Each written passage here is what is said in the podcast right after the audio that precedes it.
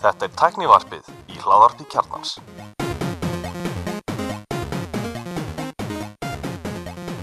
Komið sæl og verið velkomin í Teknvarpið. Ég heiti Bjarni Ben Ég heiti Gunnar Reynir. og með okkur í dag er góðu gestur, Snæbjörn Ragnarsson. Góður gestur, góð með sælir, drengir. Hvað er þetta annar eða þrið þátturinn þinn eða ekki? Annar held ég bara, sko. Já. Ég held að það sé annar, já. Já, sem er óskilunægt. Ég, ég, hérna, ég er góður í þessu.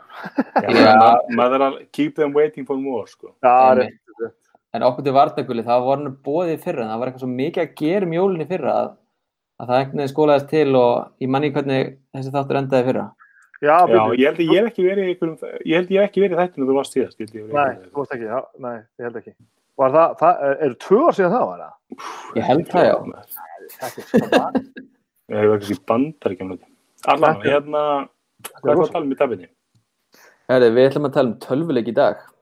Þetta er einn árlegi tölvuleikja þáttu teknafsins Já, sem er Eh, umdeldur. hann er umtildur, já. Hann er ekki hvort allra. við- Nei, hvort við erum að hafa hann eða ekki, en hann var alltaf ákveðtis hlustun, þannig að við ákomum bara að taka hann. Já, og við líka höfum gaman að taka hann upp, Já, fyrir það. sem er aðalatrið. Já, og það er yfirleitt gaman að vera með einhvern svona gesti þessu, þannig að við ákomum að fá bibba. Mm. Hérna, Við erum ekki í stúdíónu, Nei, við erum í fjár.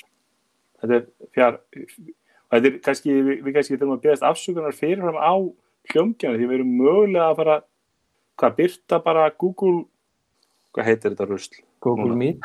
Google Meet við breytum nafn á þessu viku fresti sko.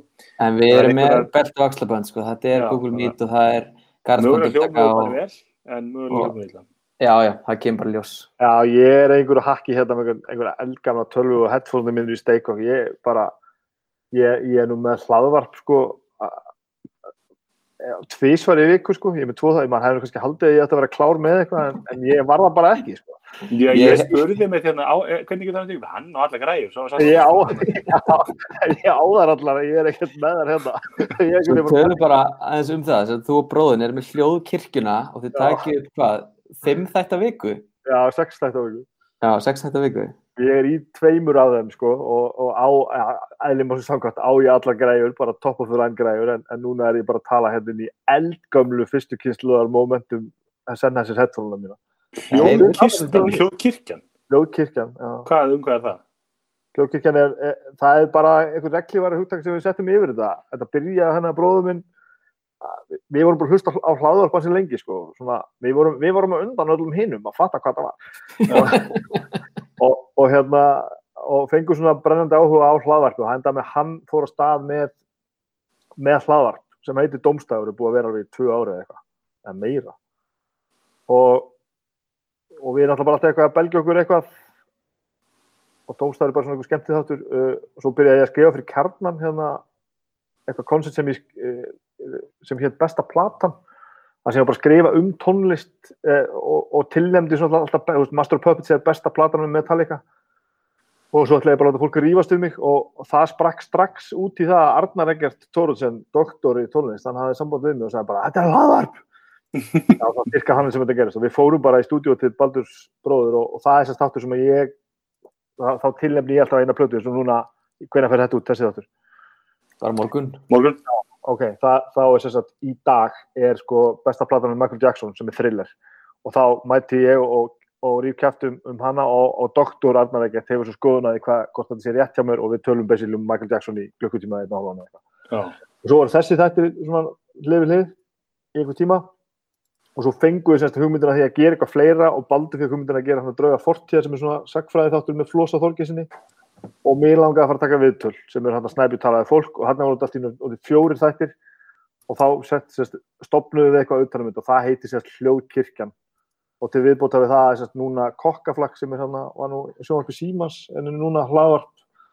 Sem að Óli matreyslu mat, nei, framreiðslu mestari heitir veist, þjótt á íslensku er, er að taka viðtöl við mat, matfólk og svo er Vili Naglbítur, nei hætti nú alveg sem er búin að gangi náttúrulega og, og rúf og út um allt er líka áfæstu Við erum bara podcast enterprise bara það er bara hann Vel gert Við erum búin að garfi í sig hvaða fimm ára og við erum með það bara meitt þátt, Bjarni Já, og talaði einhverja, og talaði einhverja, einhverja, einhverja headphone maka. Svo sorglega að við fjárfestum í sko alveg top of the line podcast búnaði sko. En hvað heitir hann Bjarni? Hver séru? Hvað heitir græðan okkar? Hún heitir Röði.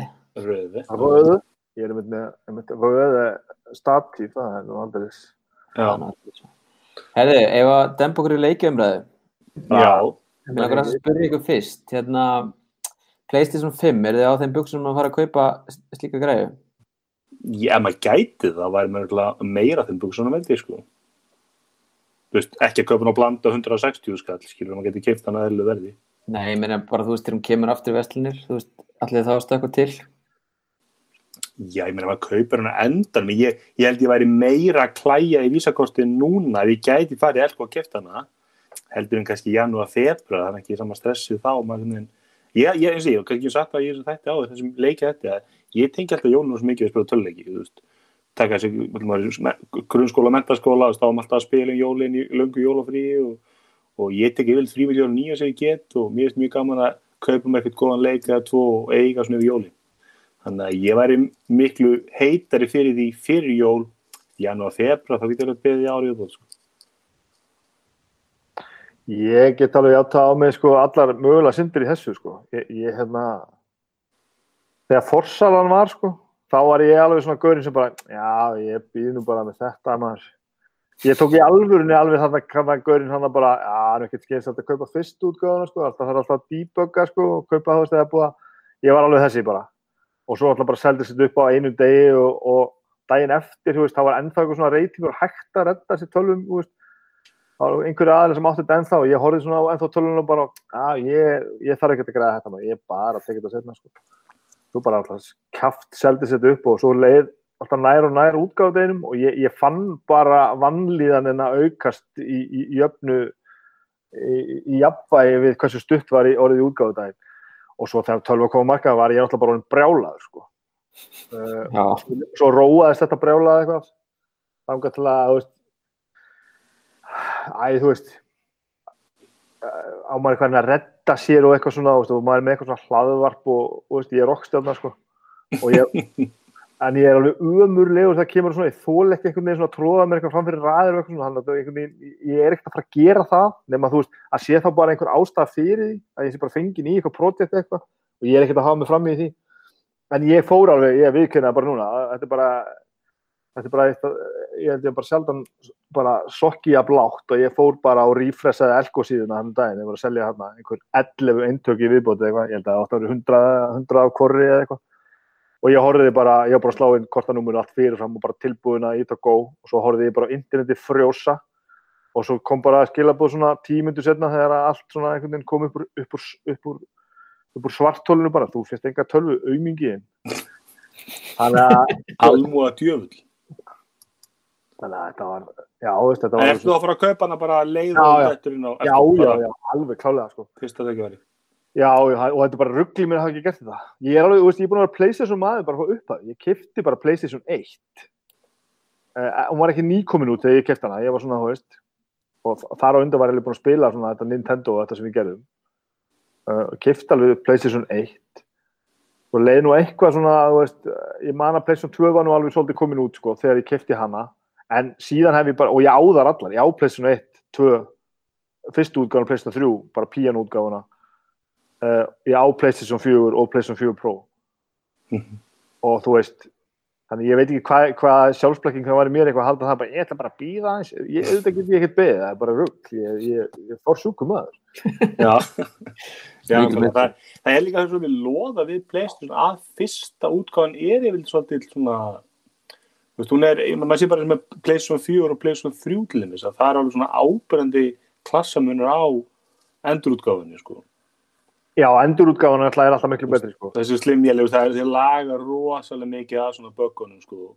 og til þess að vantilega muni að laga stærsta gallan við PS5 stærðin, ég maður að halda að PlayStation 5 Slim verði þá verði þá hérna einhver svona nettari og svona orðuröfum hafa komið hann að PlayStation 5 Pro sem verði með tveimur skjákortum. Þannig að þetta vera ja, talsveit öfluri Hva, hversu langt er, er sá rúmur komin er, er búið að ég var einmitt að sjálfsblekja mig sko um daginn og svona, já ég fæ mig bara PlayStation 5 Pro, ég býð bara eftir Pro. Og, og það var einhver fjögur ár frá þegar PlayStation 4 kom í að Pro kom sko, þannig að þrjú eða fjögur ár þannig að ég veit ekki alveg mann er að býða til 2023 sko. Nei, nei, nei, við erum alls ekki að fara að gera það, aldrei. eru 2-3 ár sem að þessi vél notar og svo svona þriðja, fjóraða ári þá, þá fara það að koma eitthvað refresh sko. Já, en ég verður samt að segja það sko ég er með PlayStation 4 Pro og ég, ég er svona aflega alveg veist, ég, ég var að spila God of War dæmi, ég er ekkert eitthvað, mér verkar ekkert í augun sko þú veist, hann skýt lúkar á, á 4K sjónambi og, og í HDR sko já, ég er náttúrulega bara veikur maður, ég, ég er með þess að sko, ég er að koma úr tímabili núna sem ég á bara tvö börn, þryggja og fimm ára og ég hef ekki tíma til að spila tölvuleiki. Ég vil bara, það, það, mér, það, það er bara skelvilegt að eiga PlayStation 4 Pro þegar 5 er til, ég er bara alveg þarna sko. já, Ég ætti að vera vaksin upp úr þessu, ég er það bara alls ekki, bara alls, alls ekki. en það er það líka að vera gaggrið með PlayStation 5 að lansið séum eitthvað slaft sem horfum á leikina, það Já. eru ekki, maður, ofta hafa verið slöpp en það ofta verið betri líka og ég, man, og ég er saman á þessu einhvern veginn vegna þá man ég ekki droslega vel eftir lonsinu á PlayStation 4 en ég man lonsið á PlayStation 3 það var, það var geðvikt sko. þú veist þá, þá, þá hérna, ég man að ég spilaði dæmis Uncharted það var, það var lonsleikur á, á, hérna, á PlayStation 3 og hérna hvað heit hérna bílaleikur hérna uh, uh, Gran Turismo. Nei, og svona off, off-road leikur svona, Já, var út í var sann eðmörkinu, hann já. var já, hann var sakalöður og, og þú veist þetta voru svona, svona byltingakendi leikir sko, hvað heit hann? Shit maður. Allavega uh, einhvern veginn vegna man ég ekki, ég man ekki hvernig Lonsi var á Play- PlayStation 4 en, Nei, ég, það er alveg svona þú veist, fjandinn hafið, að mann, mann finnst stundum eins og þetta mætti vera að- aðeins stærra eins og með þetta allavega. En eitt sem ég ætla að lemna að tala með stærðina. Hvað, þú veist, hvað, hva, já, byrjum nú bara á því. Hvað, hvað, hérna, hvað, hvaða skoðun hafið á þessu með, með þessar risastóru PlayStation 5 vél ég, ég, nú, er ég, nú er ég eini hérna í teknarfinu sem að fyrir þann Axel sem er búin að kaupa þessa vel og kom með henni í hendunar já, og ég er búin að setja hana upp inn í stofunni á mér. Og áskvæður mín sagði að hún væri glæsileg. Það var glæsileg? Já. Ok. og uh, stærðin tröfum mikið neitt. Og bara eins og flestir í kringum mig segja uh, mér er drull saman hvað hún er stór bara hún blæs ekki. Að segja viftan var ekki í gang. Þetta var nú bara það sem ég var eiginlega að fara að, að segja sko. Hún hann hann heit Motorstorm þessi leikur, hann, er var, frábær. Frábær leikur sko. hérna, en, en sko svo, ég, ég, með stærðina, jú, ég, það er alltaf böggur sérstaklega ég er byggðið með sko skáp í kringum PlayStation 4 Pro og hérna, ég veit ekki mögulega þegar ég verið með PlayStation 5 svona hotn í hot, svona hallandi þegar komast inn í skápin sko. Það er ákveðin brekka. En, hérna, en ég veist, það, það er, maður leysir það ég, ég held að, ég held að sko ég hef átt allar, allar ég hef allar leikjartölfur síðust ára nema nýju veist, ég átti PlayStation 1, 2, 3 og 4 ég átti Nintendo, ég laði flesta Nintendo-vélar og, og ég átti Xbox og Xbox 360 þannig að þetta enda alltaf í skápjum mér sko, en, en hvort það gera ég lega persónulega langar mig meira núna að kaupa mér eitthvað þokkald skjákort og, og rífa þessu upp sko PC-vélina mína sko. já, já, já. Veist, að því ég er með PlayStation Pro, ég get spilað alla leiki 2021, örugglega, allir nýju leiki komið gláfam og próf, þannig ég er svona hallast frekar að því að, að kaupa mér þokkalasta skjákort og, og, og fara aðeins, aðeins djúpur þangað en aftur, sko. en þóknast skjákort kostar þess að tvær PlayStation 5 sko það er þannig sko. Já, þess að ég nefn að átlumins getur, getur rettað hérna 30-70 í bandaríkjum, það er það 500 dólara. Það er, það er fokk mikið pening sko. Það er ógislega jú, en mikið. það er, en það er líka þrísu svona öflur í skjákort heldur en PlayStation 5, sko. en það, Þannig að þetta er, það erum við að tala um þú veist, það er munur á mér og þér sko. ég, ég tók ákvörun um það sennilega cirka þegar að PlayStation 3 var að koma út að ég spila tölvuleikina mína bara á PlayStation. Mm það er ekki það því að mér finnist þetta ég, og ég er ekki eitthvað svona, ég er ekki svona típ, típu og merkakall sko, ég get alveg skilið Apple, ég er með Samsung síma sko, en, en ég get alveg notað iPhone sko, mér finnst allt í lagi ég, veist, ég er með Apple tölvu hérna í, í vinnunni en veist, þetta er ekki trúabröð sko, ég get notað þetta hingað og þetta. Og mér finnst allt í lagi að setja niður til dæmis með Xbox og, og, og spila. En ég tók einhvern veginn bara svona ákvörðun um það, ég ætla bara að vera, vera þe- þetta verður bara mitt. Og þá, þú veist, er ég ekkert að hugsa um að köpa með skjákort, þannig að mér langar bara PlayStation fucking 5, sko. Já, ég, ég fór henni þangað inn í leikitölunum, ég var búin að vera mikil spesilegum og þetta var allt mikið vesen, sko, maður var dræðir að vesen og þú veist, og mér langaði svolítið bara eitthvað svona þægilegan kassa sem að virkaði bara. Já, ég meina, ég, ég, meina, ég þegar ég spilaði Final Fantasy 7 upplunuleikinu á sín tíma, ég Mhm. sá aldrei kött sínin sem var svona aðal máli með leikin, sko, og því að, skjákorti var eitthvað, einhvern veginn að vanta eitthvað dræfera og svo fatt að þeir eru búið með leikin, sko, já, það vanta bara DirectX, eitthvað svona. já, já, já, en, en, en, en hérna en það er svona mismundi, þú veist, veist, eh, þessar third person leikir eins og Uncharted, eins og Grand, Theft Auto og þessi leikir mér finnst mér mjög, mjög skemmt að spila þá upp í sofa Já, en, ok. en svo, svo þessar skotleiki það er, ég veist, ég fæ miklu meira út að sitja framan hérna, bara með augun á stöpu skjáin og með góðleikur mús og, og spila eitthvað góðan skotleik Þetta komum við á einu, einu mjög áhugaverðu. Það er það að þessi leiki sem, sem þú talar um sem, sem sófaleiki, það eru uppáðsleikinni mínir, sko. mm -hmm. En, en einmitt það sem þú ert að segja, ég veit eiginlega ekki hvað koma undan. Er það vegna þess að ég ákvað að spila alltaf Playstation og þeir leikir er einhvern veginn svona hentaði svolítið betur? Eða er ég að spila Playstation af því að ég get ekkert í öllu hinu, sko? Og ég- spurning og svo er ég náttúrulega líka bara gamall maður þannig að allt sem að, hérna, allt sem að við kemur svona íþróttum að vera góður í einhverju ég geri það ekkert sko ég er ekkert góður í FIFA og ég get ekkert skotið í hausin á 8000 metra færi með baunabissu hoppandi á einhverju stiga sko. Með svo ferð á þessu online server og það er einhverju 12 ára krakkar þarna sem er að típaka þig og niðurlæði hann alveg á fullu sko. Nákvæmlega, nákvæmlega. Það er engin upplifin en það er svona, ég var mjög ánægð að var, einhver, var ekki fórstjóri Sony í bandin að það að Playstation 5 er ásóldið að vera svona til að fókus á single player story drifin leiki. Nákvæmlega og og það var bara tónlist í mínum verum sko, því að það er einmitt það sem ég er skaman að eins og God of War, eins og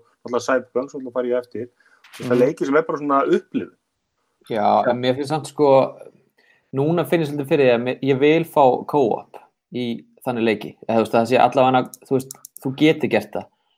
Dæmið Já, það er, er leikur hérna, ég held að hann heiti Gotham Knights sem er sem sagt, eh, eftir að Batman er dáinn þá er hérna eitthvað svona lík, Batman dáin hann er dáinn.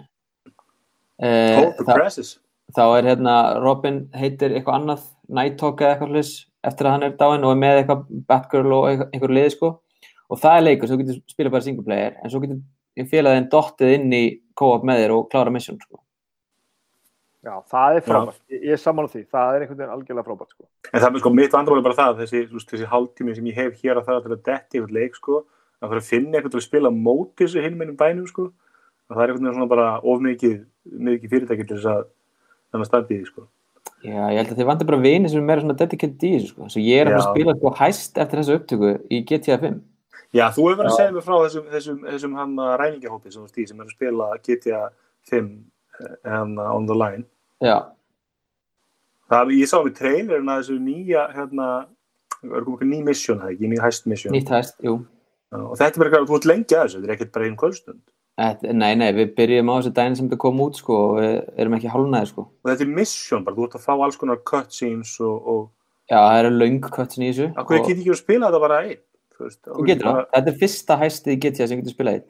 En ég get spilað þetta. Að Ég elska að við getjum að fjör Ég elska að ég kefti bæði expansion pakkana og ég finnst það mjög skemmtilegur. Ég, ég, ég fíla, um það- mér mér skilst að það verið með Cyberpunk. Þeir eru þekkti fyrir að koma með expansion pakka bara auka mission. Þannig að en ég get verið á lonely og spila spila GTA Online hæstin einn. Þú getur það. Ég get spila bara með guttar hann er að kafi GTA, hann var heim á land að það með þetta opnaðum svolítið á nákvæmlega okkur sko, við erum í þessu og, og, og Bjarni er eins og hann er sko, við eigum alltaf börn og þetta bara breytist, sko. það er bara þannig. En, en ég datta hans í svona co-op spilun uh, um daginn sko, fyrir einhverjum mánuðu síðan.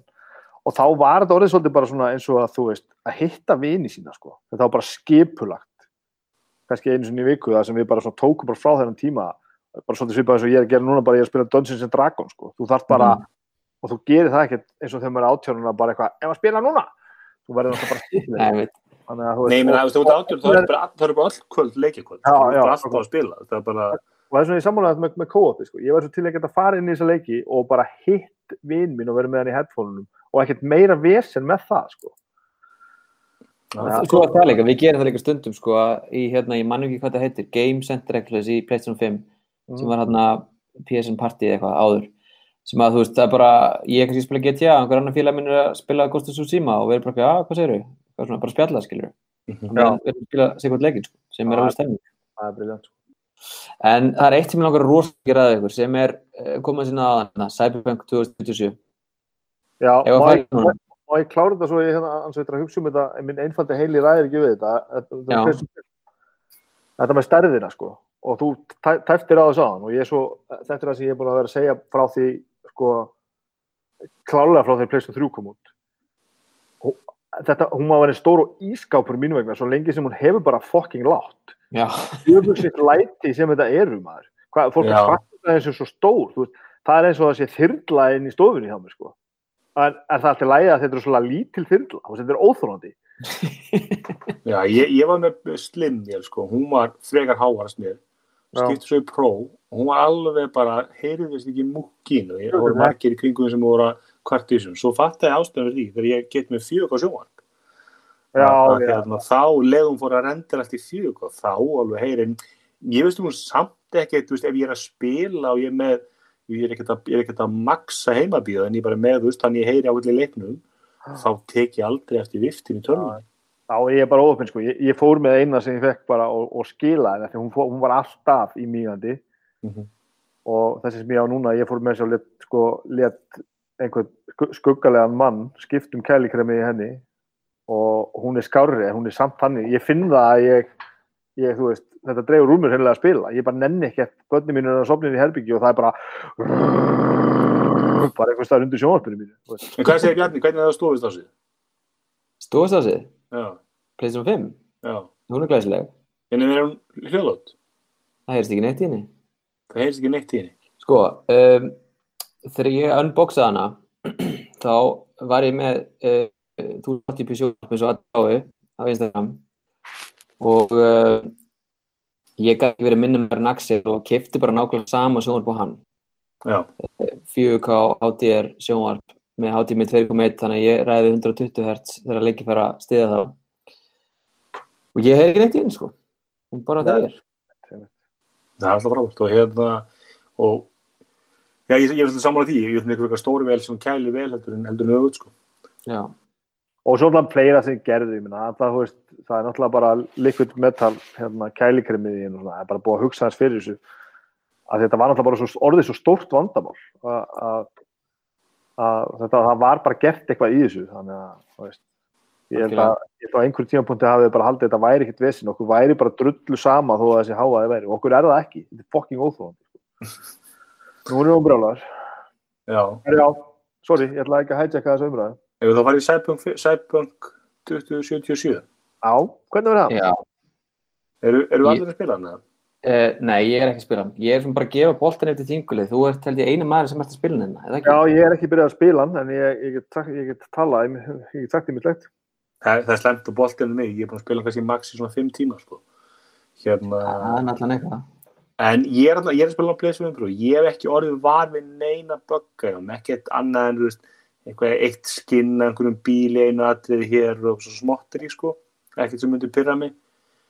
en, en maður heyrir náttúrulega svakalar horror sögur hjá þeim sem eru eru hérna að spila á, á Playstation 4 Það var svolítið eitthvað að vera kvartundagi og ég var að horfa á einhver vídeo, sko, það sem hann, hann var samt bara fokk ljótur á PlayStation 4 Pro, sko. Það var ekkert séð það. Nei, mér finnst það alveg lú- lú- lúka allir, ég held að reyndar að hann sé bara rendera í full hátíð, ekki í 4K Já, já, eða ok. ekkur, eða það náttúrulega engin Playstation 4 próleiki sem að keiri í 4K native, sko, ef ég fáir en, en, þetta, en mér finnst því svo gott og vor leitt róslega vel út, mér finnst finnst hann áberandi þú veist, klassa fyrir neðan í gæðum en, en hann er alveg, flottur og ég hef ekki lent Að- í einu alvarlega en eins og ég segi, ég er bara svolítið verið að garba í þessum hérna demo-missionum og byrjunarmissionum sko. Að Cyberpunk sé klassa fyrir neðan God of War, mennur. Já, mér varst gott að voru áberandi eitt flottasti leikur sem ég spila á PlayStation 4 Já, hann er alveg störla. Það er þetta mjög fáin leikur sem ég hef tekið platinu trófi í. Jú, það skemmtilega leikur maður. Ég var líka bara að lítu, þú að sér bara þetta eru fjögur ká skinn, að mér skilst hans að kera á QHT og svo uppskilaður, en þú sér veist, í húðinni, í leðrunu, í öllum smáðurunum. Mér veist ekki sjá þetta í, í hérna, í Cyberpunk, en ég maður samt alveg eftir þegar PlayStation 4 komst, þá horfði maður á PlayStation 3 leikinu og þeir litu bara ókessla út. Maður bara, ég geti ekki spila þetta áfram. En ég er ekki að finna það, satt, núna, sko. Nei, það er Ég áhuga. er búin að orða að slata einhverjum fjög á vídeoum á YouTube sem er verið að kera hérna, cyberpunk á einhverjum sko, ultra PC-vélum og samt er maður einhvern veginn ég get ekki lifað þess að hafa þetta svona sko. Nei. En hvað er svona skemmtara gildi, þú veist, að því maður, ég hef ekkert verið með þetta í puttunum. Ég finnst það það bara þessi, ég er mjög, ég er berist, ég sko var mikil rólplegin með þar og spilaði rólplegin spilið Cyberpunk eh, 2020 mjög mikið sko og var alltaf miklu meira veist, þar heldur til dæmis í Dungeons and Dragons veist, ég var alltaf svona framtíðarpælingarnar skemmtilegur heldur en einhver svona fantasía sko, Já, þannig að veist, mér finnst það mjög bara mjög flott en mér finnst kannski, maður maður lesa alltaf dómum, mér sumir svona veist, kannski mjög óraunafar væntingar sko, þú veist af hverju er heimurinn ekki frumlegri? Menn mér finnst það bara virkar mjög flottur open world heimur og þú veist ég er maður að fá sömu tilfinningu eins og þessum bestu open world leikjum eins og, eins og Red Dead og Grand, hérna, hérna Grand Theft Auto 5 og svona leikjum sem þú færð svona tilfinningu þessi lifandi heimur og mér finnst hann virkilega flottur það er gott að heyra, mjög mikilvægt sko. Ég, ég hérna, til dæmis aðeins því ég ætlaði eitthvað að fara að hérna, að bara svona finna eitthvað um hann sko. Er allt svo litað af, til dæmis á netinu sko, bara af þessar umræðu hvað hann farið illa á stað. Þannig að það er eiginlega, er alltaf því á erfitt með að finna bara svona, svona frekar hlutlausa umræðu um hann og einhver svona bara vídeo sem við bara svona sína mér eitthvað skemmtilegt sko. mm -hmm. En, en ég er með það sko, ég er náttúrulega að spila Cyberpunk gjörsamlega í drep sko, bara alveg á sínum tíma, bara 2020 sko.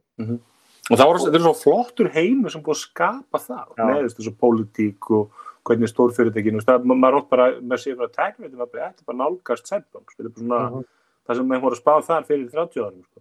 Það er það sem ég er þú veist, eh, er náttúrulega búin að vera spenntastu fyrir og og Bjarni veit sko, ég er náttúrulega búin að tala með leik bara í fimm ári eða eitthvað, ég vissi að hann var að koma, því að, veist, ég, ég á allar Cyberpunk 2020 bækurnar sko, ég er búin að vera að safna þessu öllu saman, og fyrir viku síðan þá fekk ég sko uh, tvær svona, hvað er þetta gammalt? Tvær sko 30 ára gamlar pakningar með svona, með svona minifigures sem eru svona safnvara síðan 1990 sko, ég hef alveg bara niður í einhvern dítela, þannig að það sem ég hef langmest mest ágjur á var bara þú veist að stemningin myndi ekki skila sér, en auðvitað skilum að hala fyrir, fyrir hinn almenna töluleikaspilara sem að veit ekkert um, um Cyberpunk 2020 og bara, þú veist, akkur allir þessu fólki ætti ekki að vera drullu saman sko. Já, ég er nákvæmlega þú veist, og, og, og, og sko þú veist ég, margir keldur kannski bara til að leikmyndu hvernig breyta heiminum bara, veist, en, en, en ég held að, að þetta sé, veist, auðvitað er þetta lönns algjör dumpster fire, ég meina fyrir þetta fyrirtæki og það er nótrúið að þið séu að komast jafnvel út úr þessu og, raunbið vitni, menn þeir eru að fá mjög fína dóma þegar þeir eru að prófa verðunar á PlayStation 5 og PC þannig að það fikk 9 af 10 IGN og, og, svipar einhvern flestum stöðum eh, ég man ekki eftir aðra annar einn skitu á PlayStation 4, ég man, ég man ekki eftir leikur hafi verið náttúrulega bara óspilandi ég hef ekki prófað hann PlayStation 4, ég veit ekki hversu slemur er, en það sem eru síðan netinu virðist vera sko bara mjög slemt. Ég, það var einn að segja mér að, að, að, Witcher 3 hafi verið mjög böggar fyrst að hann kom. Já, ég var var bara þegar ég var að skima yfir fyrir þennan fyrir þetta, þennan þátt núna, sko, þá einmitt sá ég þetta sama, þá var fólk að tala um það, ég man ekki eftir því, sko. Nei, ekki held, ég spilaði hann ekki alveg strax hann kom, sko, ég er ekki búið með hann, en, en hérna, en þú veist, ég held að þetta brand og þessi leikur, þessi heimur muni lifa þetta af og ég held að muni, bara tekin og borga hans ekki upp á forsölunni. Jú, og, og, og þetta, ég held að þessi að búa til mjög flott heim og vonandi geta þeir Þess, ég veit ekki hvað, hvað, ég, ég, ég sjá ekki ég lagað böggana á PlayStation 5 en leikum við þess að keira sko, í 720p með sko, Já. low quality skin, hann lítur bara illa út. Það er ekki mynd böggar það er bara veist, það var alltaf sem að sá þegar PlayStation 4 kom að þú sást leiki á PlayStation 4 sem þú gast ekki gert á PlayStation 3 bara heimur var stærri, voru fleiri ógrunni var stærri og allt þetta. Og þetta verðist að sé bara stökk þarna, ég meina PlayStation 4 sem er lukka 7.12 hún ræður bara ekki við hennar leik og það er ótrúlega þetta ótrúlega fyrirtæki sko að því að, að því að leikurum var kynntur fyrir 8 árum síðan. er hún átt ár, er hún svona langt? Já, ég, hérna, ég var að lesa einhverja grein um daginn sem að var sko, æ, látið nú ekki svona, þetta er, hérna, þessi leikur hann rörnur fínt á PC í, í hæstu gæðum á, hérna, með einhverjum monster, hérna, skjáhortum, 3090 og eitthvað, uh, og líka fínt á PlayStation 5 og PlayStation 4 Pro. Þannig að látið nú ekki svona. En þá var eitt sem sagði bara uh, en þú veist, þeir hafa enga afsökun þessir developers vegna þess að leikurum var kynntu fyrir 8 árum síðan, einhver trailer. Þeir eru búin að hafa allan tíma til þess að optima sem fyrir Playstation 4 og hann rönnur ekki betur en þetta. Eða bara allan tíma til að ákvæða ok, leikurinn er ekki bara að kera um Playstation 4 bara döpum Einmitt. það er bara einu stöðun, ég meina leikurinn og það, það þarf nú ekki að vera sko maðurinn í hjá þeim að- til að sjá þessi leikur Já, þannig að þetta er nótulegt að það hafi bara keft í gegn og, og, og veist, akkur frestuður það ekki Playstation 4 útgáðan bara? Svo er annað með þetta CD Projekt Red er búin að segja sko, uh, það er bara sorry, þið fáðu bara endurgrusli því þarna Playstation 4 Xbox One notendur. En ef þú keftir leikin Xbox, nei á hérna Playstation hérna 4 digital útgáfi og ert búin að prófa hann þá vil Sony ekkert endurgreiði það er bara Já. mega vesen að fá það tilbaka en var ekki samt verið um að tala um það? Það var fyrsta skipti sem að Sony væri svona að- frekar en að greiða göttu þess að fá endugreitt. ég vona þessi Endur- þannig Ég, það er það að hafa verið fréttur um það að, að, að, að þessu stæmi núna þá væri Sony ekki að gera það sko en Já, okay. ok. að halda pressa verið mjög mikil og, og hérna en eins og því, ég ætla- ef ekki kannski er þetta eitthvað ríkjur, maður er gaman að heyri einhvern sem hefur allir prófað að ná Playstation 4 en, en þetta var glata að leikurinn allur hefði verið sko dumbed down niður í Playstation 4 heiminn, þú veist, ég meina, við viljum alltaf leikurinn sem þróaði fyrir next gen og, og, og ég ég maður sé einhver vídeo sem er, er að kera hann á, á, á, á 30-90 í 8K og ég meina, hann lítur ógslega vel út. Já, og við veitum alltaf að leikurinn sé hannaði fyrir það miklu frekar en, en og stökki en alltaf, ég meina, PlayStation 5 er 5 sem möblir eða 6 sem möblir heldur en PlayStation 4 þannig að já, það útskýrur náttúrulega en, en auðvitað hefur fyrir ekki bara það fatta þetta ég menna þetta er ekkert eins og þetta get ekki verið bara jaðar til þetta lítur að vera bara böggur Já, fyrir mér sko, veist, ég, ég næði svona aðeins að hérna hugga mig við þetta að ég sé ekki komið PlayStation 5 af því ég ætla þá bara að spila þegar, þegar, hérna, þegar það fiasko reddast hjá mér sko. Mhm. En ég segi samt, eh, ég sem þetta cyberpunk nörd sko, ég, ég er langmest að býða eftir að bara vita hvernig hann spilast. Þannig mér þykir svo vant um heiminn sko. Mhm. Ég þekki þetta svo mikið út og inn og ég er bara að sjá okkar trailer og ég er bara að sjá bara, þú veist, personu sem að ég bara er búin að lesa um frá því ég var bara krakki sko. Ég, ég, ég, ég, ætla að geta, geta, votta að þess að ég spila ég hef ekki lent í neinu sem að böggaði mig á PlayStation 4 Pro þannig að og Það er kostur að þeir, þeir gefa þér fría uppfæslu þannig að Já, já, það er briljant. Það er náttúrulega bara algjörlega briljant, sko. Þannig og að, það er nú, það nú ekki allur, er allur gangur af því sko með hérna, ég ætla, var ég vangað að kaupa hérna Call of Duty hérna Cold War.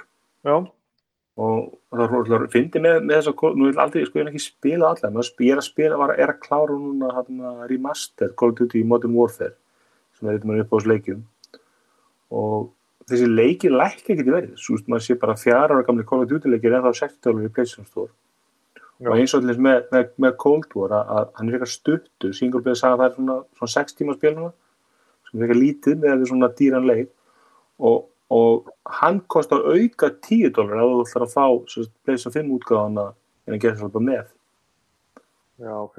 þannig að þú getur spilað PlayStation 4 útgáðana á PlayStation 5 en, en þú farið ekki ekki PlayStation 5 útgáðana Já, já, áhuga. Þannig að það er svona, menn þarf að fylgjast með því sko, að ég auðvitað veit, ég veit að ég kaupi allt digital og mun áfram kaupa alla leiki digital á PlayStation 5 þannig að maður vil endilega fá þessa leiki uppfæralega og ég kannski spil með ekki mikið gamla leiki aftur en ég get hann sér fyrir mér leikur eins og Cyberpunk. Er leikur sem myndi örgulega sérstaklega við fáum veist, expansion pack eftir ári eða tvö eða eitthvað svo leiðis og ég varst alltaf skemmtilegast við, við, hérna, veist, við GTA eins og þau byrjuðu. Að hann að GTA 3 og svo kom bara Vice City einu eða tvö mánu setna svo kom Já. bara San Andreas þá er ný, eitthvað ný, nýtt að gerast og, og fyrir mig sem GTA notanda sem er ekki að spila GTA online þá hefur ekkert mikið verið gert fyrir þennan neytindahóp sem ég, ég er glaður borgað 30-40 dollara fyrir eitthvað expansion pack með nýjum sögum og nýjum karakterum fyrir, fyrir, sem, fyrir GTA 5 það er náttúrulega á mjölka GTA 5 bara út í hið óendilega síns mér Ég ekki fyrir mig, ég meina, ég, ef ég spil, ef spilir ekki online þá er hefur ekki fengið neitt annað en bara, ég, ég get að kefta nýjum tölvum sem ég er klála að gera en, en, en ég hef ekki fengið neitt fyrir peningin þú getur farið í hæstið einn online. Já, núna, já, já, það. Er þannig í karakterar og svona. Hvað hefða, hvora vélina tókst þú, Bjarni? ég tók digital. Það ætla ég líka að gera. Það er skynsamlegt. já, Ég Nei. átti einhverja diska á PlayStation 4 en þú veist það, það var actually stundum þá satt ég í sófánum og já, ég ætla nú að spila þennan leik núna og þá kemur á skjáin en þú veist þetta diskinni og ég bara nefndi ekki að standa upp þannig að ég spilaði ekki þennan leik Nei, og svo, svo allir með PlayStation 5 er þannig að, að runni, ef þú setur diskin í þá ertu bara að setja diskin til að installa leiknum þannig að þú er runni, sko, er engin ávinningur að þið hafa drifið, sko. Þannig að eina, eina ávinningunum er það að þú getur selt leikin aftur í rauninni. Já, það er svona þessi hópur sem, að, lána. leikina nýja í skífunni og, og selur hann aftur, þú veist, vikur setna, búin að klára hann. Og, og þá getur maður sagt, jú, það kostaði mér bara þrjúðu skall að spila. Nei. Ég, miklu, svo, þólum að ég kaupa vel bara þegar þetta útsvöla, þú veist, þú veist, mér veist, PlayStation Store er rosalega bara aggressíft í, í að lekka verðið. Og ég meina leikir eru ekki, þú veist, þegar hérna Ghost of Tsunami var núna bara uh, desember hvað sér Ghost of Tsushima Tsushima segi og það var komin í 40 dólar á, á desemberútsölunni. Það er um eitthvað það, Black ég, Friday það er leikur já, ég ætlaði að mynda að fara, ég finnst að mynda að fara að kaupa hann, ég hef ekki spilað hann. Ég mitt sagði í fyrra þegar hérna uh, Jedi Fallen Order starfsleikurinn kom út. Ég bara ég tek hann bara út sérlega Black Friday 2020 og ég stóði það. Já, já, vel gert. já, hann er, er mjög, stann, mjög skemmtilegur. Hann var svona bara Mér, Já, ég er aðeins byrjað að spila hann og uh, mér finnst hann of líkur sem Souls leikin Já, Souls. Dark Souls. Dark Souls og Demon Souls og öllu þessu. Já, já, já. Og Bloodborne vil, telja hann með. Þannig að ég er svona, já, hann er mjög flottur allt það sko og ég mun örgulega klára hann en að já, ég veit ekki með það. Það er Souls element í honum. Nei. en svo fyrir þau? Má ég loka einu með, með Cyberpunki? Já, á ég að kvíða í þessi fyrstu persónu? já, Hvað segir þú um það? mér finnst það ókostur sko mér finnst, eins og segi, mér finnst þessi svona þessi late back leikir sem líkur upp í sofa þá bara, það er engin ástafi leikurinn er ekki third person sko Nei. sérstaklega með vits er það third person og all- allir svo röka þetta er meira, er meira mörs roleplaying upplifun ég meina vits er ekki roleplaying leikur sko. Já, ég, ég kvíði þess aðeins, ég viðkynni það alveg, ég, þetta böggar mig sko. En ég ætla nú að gefa þessu öll saman séns. var það ekki Já. þannig að GTA 5 var upprunalega bara þriðpersonu en svo kom hann út fyrstupersonu eða þar sem þú það múið kom skipta bara, þú gæti ítt held ég bara þrýningin eitthvað það skipta hann mynd sko Já. en ég veit ekki hvað spilar hann þannig maður. engin Nei, ég prófaði hann að GTA 5 í, í, í VR og það var aldrei fyndið, þá var hann að spila í fyrstu personu sko Já, en, en, en vonandi kemur, veist, ég var alveg ímyndur ef það kemur bara eitthvað, eitthvað update sem að hérna, getur svissa yfir í third person, þá myndi ég alveg að gera það sko. mér, en mér pyrraði mig ekkert þú veist, ég, þetta er bara svona, þú veist, maður, hann, eitt sem þú veist, aðstæðan, þú getur lappar, finnst þú svona, þú veist, hann lappar astnalega, þú veist, það er svolítið svona, svona svífi bara kallinn, þú veist, það er ekki Já. mikið svona vakk í myndaðalinn, sko Nei, nei, nei. og, hérna, og margir á kvarta líka yfir hvernig bí, bílarnir höndla Þú veist, það er mjög veist ekki einn svona super smooth eins og í GTA allumis Mhm. GTA er bara svona master af það sko Já, já, það er, það, það er bara hinn fullkomna fysik í svona leikjum, sko. Það er bara, og, og ég, ma, sko, munið þegar þeir, spil, þeir spilu GTA 4 í fyrst skipti. já, Af því að sko þrjú og Vice City og San Andreas, maður búin að spila þá alla gjörsamlega í drep. Hvað heldur maður að hafa farið margar ferðir upp á fjalli í San Andreas? Það, og kasta sér niður á reyðhjóli með falli á bakkinu. En, en sko, svo kom maður í fjögur þá er bílarnir svo þungir af því að fysikin í hinum var svo, var svo, hérna, var svo fyrst létt sko. Og, og, og, og, og, ég, ég spilaði ég greip í hann um daginn, sem sagt GTA 4 og það er ekki bara það að mann hafi vanist í heldur fysikin í GTA 5 þeir eru odni léttar aftur bílarnir sko. Mhm. þeir eru ekki jafn klumpaðir sko. þetta er eitthvað tímabil hérna, hérna um þetta leiti þegar hérna, Burnout Paradise var að koma út já, já, já, veist, eins þar með hann Kingdin menn já, ég, ég spilaði hann á eins og það að því við nú yfirferð tölvuleikja fyrir 2020 ég spilaði rýmasturinn hún svolítið á þessu ári. Að það gaman maður. Það var leikin að spila alveg, alveg í spað maður. Jú, ég held líka sko þeir voru svolítið að reyna að vera meira realistic með GTA 4 sko. Var það ekki svona, þú veist, hann var, þú veist, saga með drungalir og svona, þú veist, svo fór þeir aftur í svona meira bara fun í, í Já. GTA 5 sko. Já. Einmitt. nákvæmlega. Hvað það ég- Mér Ég hefur alltaf fundist FPS leikir á, á, á konsól svona, þú veist, veist ekki, ég nýtir aldrei 100%. Nei, sammála. Ég kefti Doom á PS4 og hann var alveg skemmtilegur en ég hugsa allan tíma til að spila hann leik á PS. Já, já, já. Já, einmitt. En já, svo við förum kannski aðeins yfir 2020. Já, Hvað er svona stendur upp úr hjá okkur? Gamli leiki bara? nei. Ekki bara, sko. Ég myndi hérna- segja hérna leikur sem við báðir spilum Bibi Mm Final Fantasy 7 Remake Herri já, ég kláraði hann alveg drep, djúvill spilaði hann aggressíft. Það var alveg fárálega gaman maður. Og það, það var svona pínu öðruvísi gaman en ég held fyrir þess Ég spilaði alltaf gamla leikin, sko, uh, en samt bara einu sinni gegn og ekkert löngu fyrir að koma út á sínum tíma. Hvað ár er það? 97 Þú veist, ég man ekki kentur upp barnana minna, sko, en, en, en me- með því að spila rýmeki núna, þá mundi ég ótrúlega mikið úr gamla leiknum. Já, en, en að því sögðu þá var þetta ekki manni, manni leið eng, enga veginn sem að vera að spila eitthvað remaster eða eitthvað svoleiðis þetta var bara remake af leiknum fullkomið standalone leikur sem að böggaði mann ekkert að væri að einhverju leiti svona gamall eða eitthvað svoleiðis en samt svona fullkomin einhvern veginn svona flashback í gamla leikinu Þetta- þetta- hann er, hann er fucking meistarverk hann er ógeðslega skemmtilegur. Já, ég, ég, ég ekki spilað hann, ég, hef svolítið verið með teitum fyrir honum, sko, mér langar svolítið að hérna, svona leikir sem langar að klára, mann fengið svo góða dóma. og ekkert, þú veist, au- auðvitað skemmir ekkert fyrir, er örgulega enn meira gaman af því að maður spilaði gamla leikin á sínum tíma, sko, í rauntíma þegar hann var mindblowing, þannig að það hjálpar svo til við nördismann, en, en, en þú veist, mér er samt sama, hann er, þetta er ófárálega vel hefna, sko. Svo alltaf, þú veist, leikur sem alltaf mjög lengi byggði eftir og margir vildu meina að hann verið hannar fyrir eh, Next Gen, Last of Us Part 2. Já, já, ég held ég verði nú alltaf að setja hann sem, sem hábúndinu á árinu á mér, sko. Uh, ég spilaði Last of Us 1 á Playstation 3 og Playstation 4. Já, alltaf remastered útgáða. Já, það er bara einn af fáum leikjum sem ég hef spilað Já, já, í lífþínu reyndar þess að God of War leikurinn síðast kom út þá tók, tók ég alla í röð, já, Uncharted ég hef þú gert þetta að koma stóður leikir að taka þá sko 1, 2, 3 og 4 bara í röð sko. Þú er enga tjóðum sem leikið sér.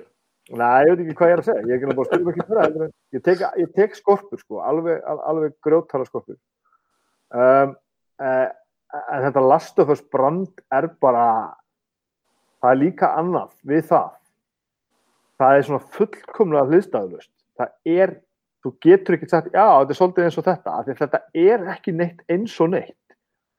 Þú veit, augljóslega það þarf ekki að vera það þarf ekki að hérna, koma hann geðveitt og óvart að það sé sama liði sem gerir þetta og Uncharted, það er náttúrulega alveg svona það er svona að bera þetta saman svolítið en það er engin leikur sem spila sem er líður svolítið eins og þú sést að spila Last of Us, hann er algerlega sér á báti, þessi ótrúlega saga, þessi dýft í karðum, eru þið búin með, með tvöða?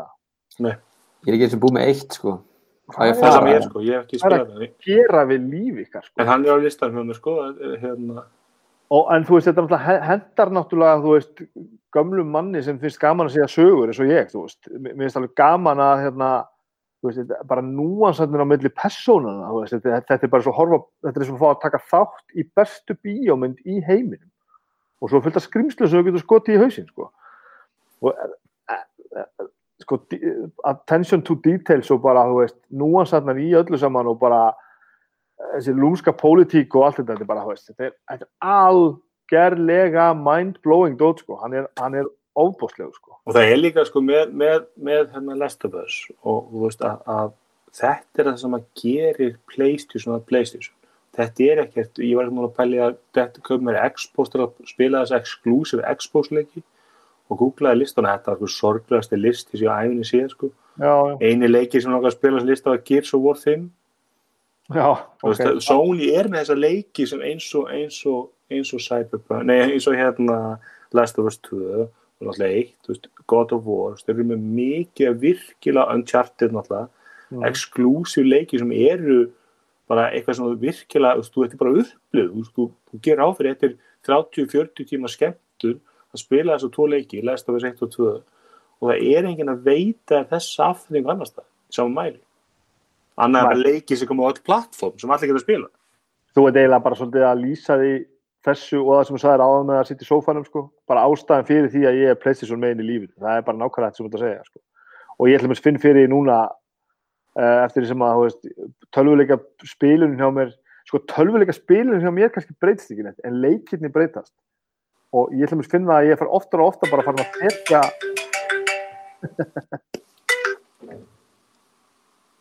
Áfram? ég finna bara, ég, ég er oftar og oftar, og oftar farin að setja bara uh, leikina á easy og bara eiginlega lappi gegnum það, af því ég er ekkert að reyna að vera góður í tölvuleik.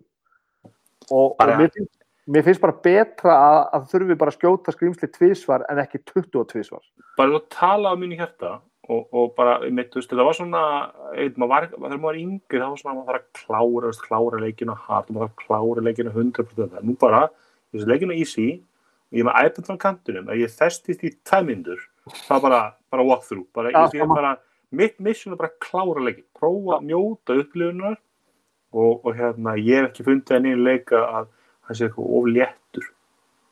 Nei, og, en, en ég líka kannski ég held að fyrir viki sé ég farin að meta leikina betur sem að þú veist skemmta mér. En ég er ekki bara einhvern veginn að að vera eitthvað trikki og þa- þa- þar með allir Last of Us bara þetta ótrúlega dæmi að, að, að ég er bara svona að rekja söguna. Ég er í rauninni bara svona að hreyfa einhverja takka til þess að fá meira af sögun og það heldur mér fullkomlega okkupætt sko. algjörlega, það er svo Bara- briljant. Uncharted er gott um það, ég hef verið að Frábært spila dæmi. Uncharted 4 og, og hérna, það mikið er ekki enginn að bjarna á allir þessu klifri sko, en, en, en, svona allir leiki komið mikið að klifri. Það er eitthvað svona nýja að leikja þeim og allir klifri að öllu leikin sem við finnum í God of War sko, sko að hérna God of War sem ég geta klifra fór sko, að fjöllin.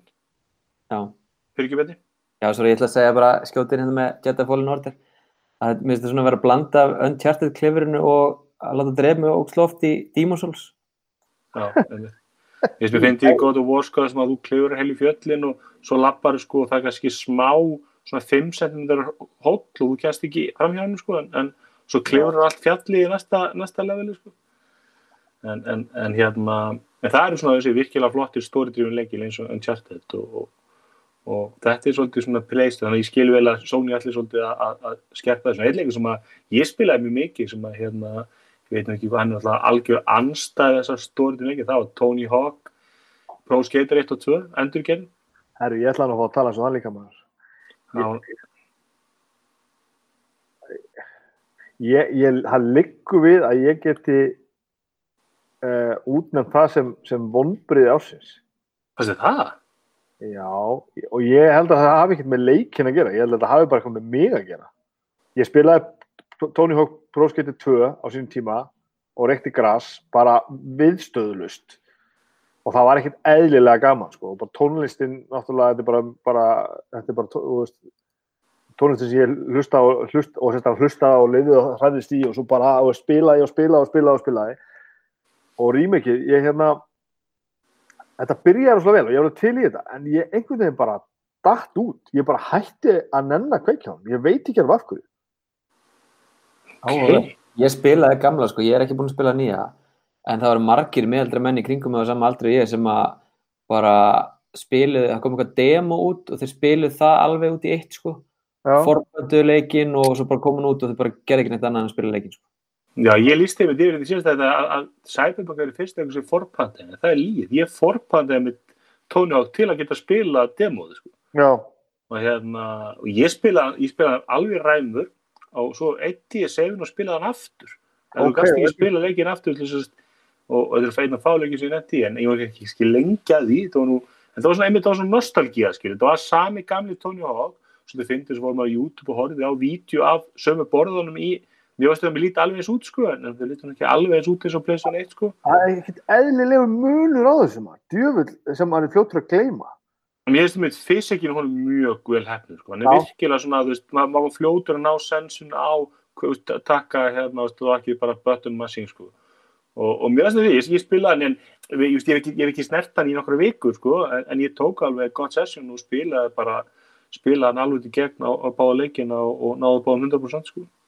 Það sem ég fann skeri þegar ég byrjaði hérna á demónu ég var búin að, að ég var búin að spila í svona í svona einu og halva sekundu þá var ég komin með manual að því að bara putta þann á mér þeir vissu bara nákvæmlega hvað ég var að fara að gera það var bara svona eitthvað, svona bíla vöða minni bara upp niður og ég var bara farin að, veist, farin að þetta, var- það, það, það var næstu því skeri sko, bara hvaða upplýsingar er heilin í mér að geima sko. Nákvæmlega. Ég hefði munum að sjá meira þessu, það er svona verið að endurgera þessu að við sjáum alltaf bara í kvikmyndum, en það er, það er alltaf verið að endurgera mynda sem við horfum að esku, sko, og, og með miskoðum árangri og þetta- sé alveg, við máum alveg sjá meira af leikim þar sem að, þú veist, þess að hefla, því er ekki þess að myndi endurgera hefla veitt, það er þessi leikir sem að margir myndi spila í einhverju ray tracing fjöri, sko. já, það er góð, penning sko. Annar leikur sem alltaf er stór árunni, þá kemur þetta í loka ásins, Assassin's Creed Valhalla, Herri, ég á eftir að spila. Það eru tveir leikir sem ég, ég er alveg bara mjög ábyrjandi á eftir að spila. Það er hérna Ghost of Tsushima og, og, og Assassin's Creed. Assassin's Creed. þú ert ekki Assassin's Creed maður, Bjarni, eða ekki? Ég get nú ekki sagt það nei. Ég hérna, spilaði Assassin's Creed 1 og það böggaði mig alltaf hvað hann var uh, hann var ekki nóg smúð á Playstation 3 fannst mér um, svo bara held ég hafi ekki spilað neitt Assassin's Creed fyrir en bara hvað heitir áttur í Ekkertlandi? Origins. Já, og ég er bara svona réttið tanni í hann sko. Ég á hann bara inni. Já, ok, er það eitthvað Axel sem er getur verið.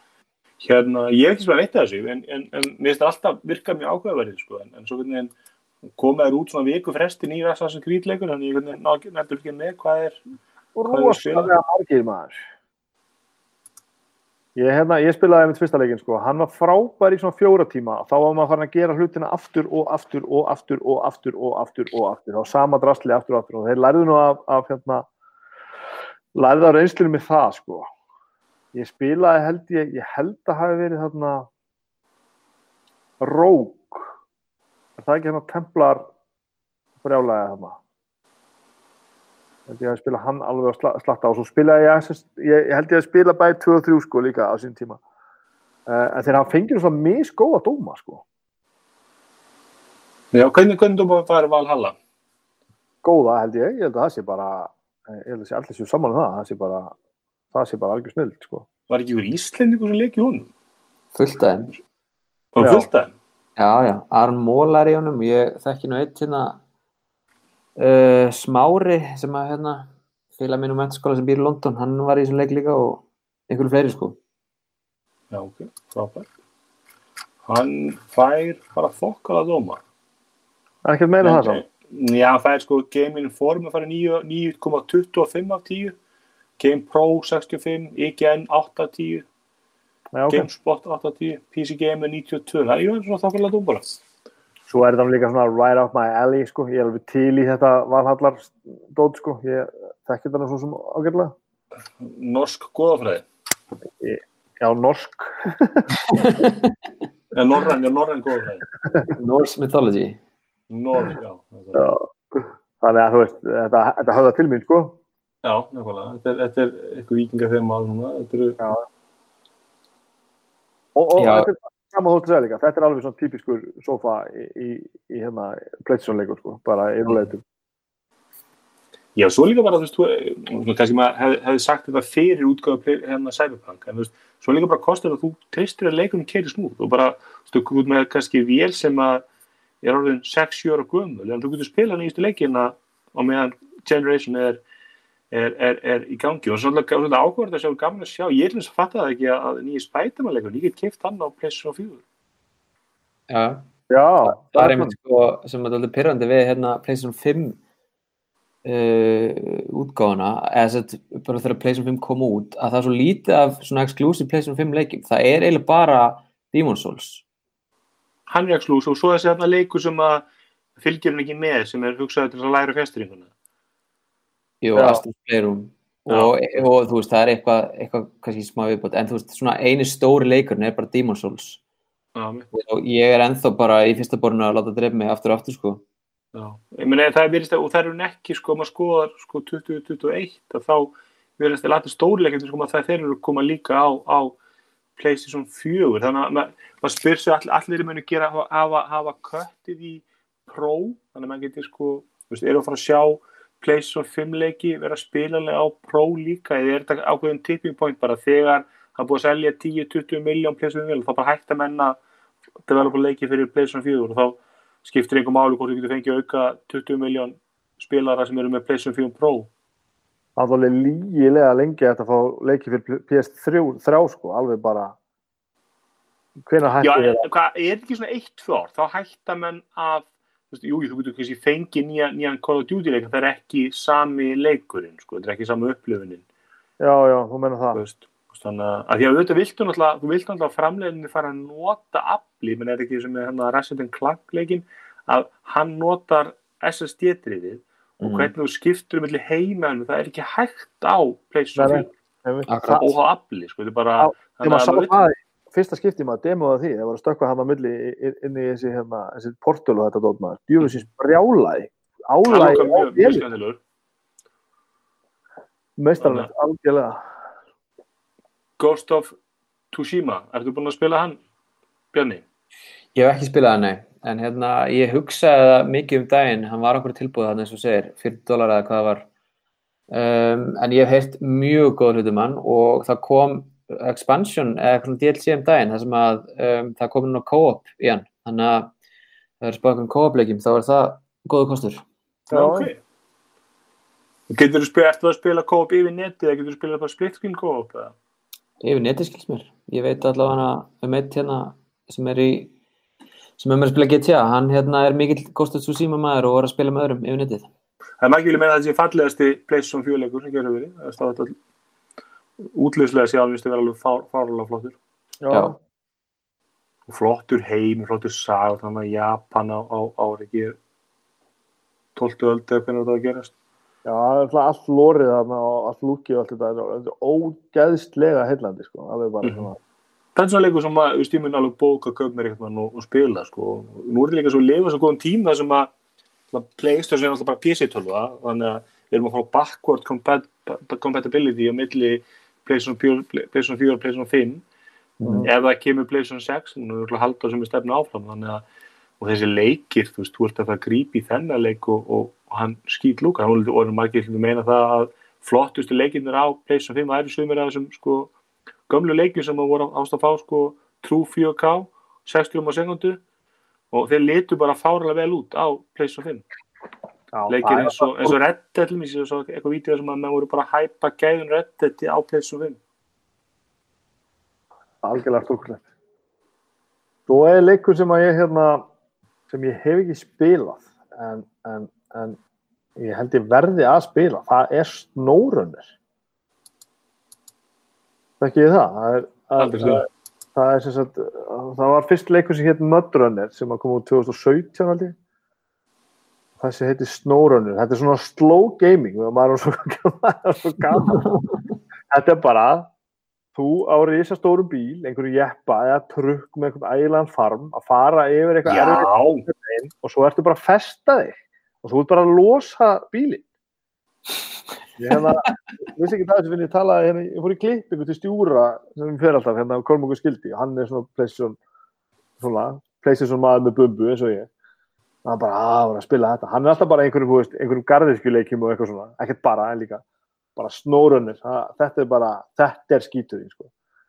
Og bara stundur bara festur í bílinn það er ill, illa að þú eru bara að fara að sækja nýjan. Og það tekur bara alveg ægilegan tíma. Svo bara festur í spilið í eitthvað treg og, og bara eitthvað juggarið lausalöga þegar þetta er alveg glæsilegt. Ég fór að skoða eitthvað gameplay og þetta er náttúrulega stórkostlegt að einhver sé að gera þetta Þetta er svona svipað eins og ég man eftir leikjum eins og sko ekki, Euro Truck Simulator? Þetta er, já, þetta er sama sko. Og Farming Simulator, það er til svona simulation ekki svona um bara svona þetta er svona þessi störf sem að sko er að degi í bandaríkjum alltaf að tala um sko sem að þú veist ég er að það muni taka yfir sko strax. Já, þú já. veist, er að keira, keira vörubíl einhvern í tíu tíma sko. Og þetta er bara, þú veist, bara eitthvað að jugga sér lausan um einhverjum polli. Þetta er bara, þú veist, Hefur þú spilað þetta? Nei, ég hefur ekki spilað, en ég fór eins og það er eitt sem að maður getur gert sem er, sem er uh, stór undalegt að sé ein, á einhvern hátt satisfying að gera. Það er að, að sitja hérna í vinnunni með verkefnið á, á skjánum og, og láta þetta rulla einhvern veginn á hinum skjánum bara eins og það sé eitthvað eðlilegt bara einhver, einhver gömul upptaka af einhverju mannesku að jugga sér lausan úr einhverjum drullupolli einhverju tölvuleik það er við komin alltaf bara á einhvern annan stað sko. en þetta er bara þetta er einhvern veginn alveg, alveg ótrúlega gefandi og skemmtilegt og, og ég, ég held líka bara við séum aðeins hérna, að þurfa bara svona einhvern, einhvern mótvægi við allan hasarinn það er svo mikið af svona hasastöfi sko. En það er líka í þessum sko open world leikjum að það er maður líka mikið að slóðskóli. Ég var að spila Reddit, ég eitti svona 90% tímanum mínum Reddit var ég að veiða. það er bara máli og, og Það er eftir einhver dýr og maður fær þetta nefnilega svona á tilfinninguna. Þú, þetta er bara dundið í GTA og Red Dead og þessu dóti og það er ekkert meira og með þess að dundið gefur eitthvað svona reward. Allt í enn þú komið einhverja nýja vél og, og þú ert alltaf komið sterkara spil og eitthvað svona djúst og það er co-op í þessu, þú getur hitt vinið það getur verið fjóri saman, það er að losa einhvern fucking trukk og allir með bíl og eitthvað, bara hversu gaman sko. þetta er svo er mikið sko, ég aldrei verið mikill roleplaying leikja maður, svo þannig sé, ekki spila mikið roleplaying, en, svo leikir eins og GTA er náttúrulega pjúra roleplaying leikur. Ég maður maður að spila San Andreas og maður kannski var í spili 2-3 tíma og maður var bara eitthvað að fara í raktina og bara að geta, hitta kærustuna og maður bara svona, þetta maður bara svona með sko to-do lista fyrir daginn, þú veist alltaf að gera svona hluti sko. Það er ég að redda svo mikið að ná, ef maður fyrir stort missjó að maður eiga nóg að geta til að maður geti haft endalins orku sko. já. Þetta er þannig að- að við, við, að, við mælum með snórin hann verður fín að dóma hérna 94% like, like this video game á Google. Já, þannig að þetta eru þetta er bara Mudrunner. einhver sem bara ætla, ætla að kaupa og ætla að spila. Ég, það, veist, og það, það er líka þetta.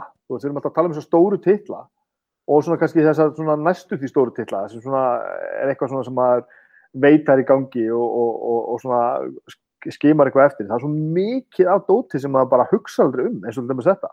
Þið bara vissuðu ekki um hvað ég var að tala og ég ekki heldur finnir bara að ég fór í klippingu sko. hann er eitt hérna fyrir sko, þá sem að eru spenntir í borgarlínu Fernbus Coach Simulator. Þetta er er stór bara að kera, kera strætó. Og það er vist eitt með, með snórunir segir fólk sem að spila hann sko að fysikin í honum er bara eitthvað svona beyond. Að þú veist, þú, þú, allt, allt svona þú veist, terrein og fjöðrunin versus farmurinn sem þú ert með og allt þetta dótt svörunin er svo ofbóðslega nákvæm og, og, og mikil sko, þannig að það er verið að nota svona einhvern veginn CPU powerið í eitthvað annað heldur en bara að vera eitthvað svona mindblowing flott og líka sk- skýt lúkar er skoða málið. hérna myndar á netinu, það er bara fárlega flottur. Þetta hljóma líka þannig að físikinn verður að vera geggi til þess að leikur sé geggi sko. Bara koncept einhvern veginn finnst mér hljóma þannig Já, sennilega er það einmitt bara nákvæmlega það. það. Það er það sem þetta lifir á. að Þetta sé bara alveg svona, og að þegar maður er alveg að festa sig og svo gerist það ekki, að það verður alveg brjálaðislega satisfying af því að fysikin er svo gefandi. ég er líka sko, þeir eru nú báðir markasmenn, þú veist, að, að markas er einhvers leikur fyrir flókið, þetta er svona leikur og spila ekki tölvuleiki, sko. Hvernig nærðu til þessu hóps? Já, Það því að þú veist, maður sér alveg fyrir sem, þegar ég kringum mér sem það er gaman leik, það eru menn sem spila enga tölvuleiki, sko. já. Þannig að þetta er, þetta er, þetta er ákveðið challenge minna leik. Algjörlega. Hvaða fleiri leiki stóðu upp á árinu? Eru must play. Það kom hérna Doom Eternal sem að uh, ég spilaði nú ekki en mér langaði nú að spila hann en samt eins og ofta áður á PC en ekki í Playstation, svona first person Ég greip í hann. Hvað sér þau? Ég greip alveg í hann, sko. Um, þetta er bara rosa mikið dúm. Þetta er náttúrulega bara eitthvað svona brjál, sko. Emitt, og, og það er bara rosa gaman um, þetta er svona næstu því bara að missa marks að þetta er svo mikið over the top einhvern veginn sko. þú maður verður svolítið að setja sér bara í stellingar að, að, að þetta er bara eitthvað svona eitthvað svona fáránlegt brjálaði sko. og mena, þá er þetta bara gaman og bara það er bara stemning maður Ég ætla að hendi inn í fyrir að, að hérna, góðun okkar dæmi Grósin er ekki með ykkur í dag. Hann er alltaf klálega að fara að tala, nefna, tala hérna fyrir Nintendo sem erum átt fokkar þetta á. Og einn leikur sem ég hef ekki mikið spilað en er, er spilað í ræm verið mínu heimil er Animal Crossing. já, Og hérna yngri dóttir mín er búin að spila hann alveg bara fyrir allan peningin. Animal, Animal Crossing New Hori- Horizon. Og hérna, svo keifti ég nú Nintendo leikum daginn sem er hérna Super Mario 3D All Stars sem eru þrýr Mario leikir í þrývitar Mario leikir sem að hérna sem að ég held ég hann er, hann er var mikið gafkvöldu fyrir að hann er tímabundin hann, hann þetta er svona 30 ára ammælisleikur og þess að hann hætti í sölu mann ekki marsið apríl á næsta ári. En tíma, tímabundin í sölu en þú getur haldið áfram að spila með áttan eða? Já, þú heldur að spila með áttan sko og það er svona, mennur það kannski mögulega munið þá að splitta hann upp í þrjá leiki og þú getur ekki keift hennan allstar pakka sko.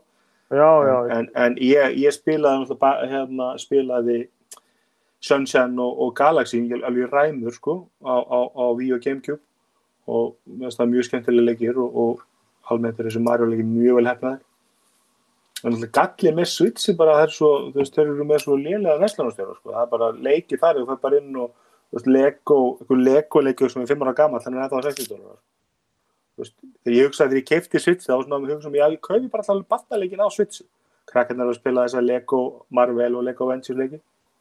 Og hann kostar kannski 5 dólara eða 10 dólara í PlayStation Store og hann er á 40 á, á Switch sami leikur og það er svo mikið, þú veist, þeir, ég, einu leikið þessi áheil á Switch eru bara þessi stóru exclusive leiki sem ég veit hvað sem er aldrei lækki verði þannig að ég sko að kaupa bara strax eins og slá Zelda og Mario leikinni og hérna og alltaf orðum að koma ný að koma endur hannu Switch á næsta ári. Einhver, uppfæsla, það Switch hefur verið mjög arbær fyrir Nintendo Þið aldrei eru þar, Nintendo?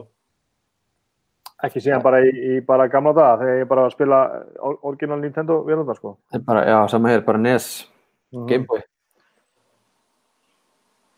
Cirka sko. Eh, Einn leik sem ég spilaði á árinu er náttúrulega er alls ekki hérna uh, 2020 en er er svo afturöðin 2020 sem er Spiderman. Einmitt. Það er hérna, þurfum við nú að, til dæmis að ræða eitt sem að, sem að ég er eiginlega farin að- velta mjög mikið fyrir mér sko. Hafið spilað Spiderman? Já.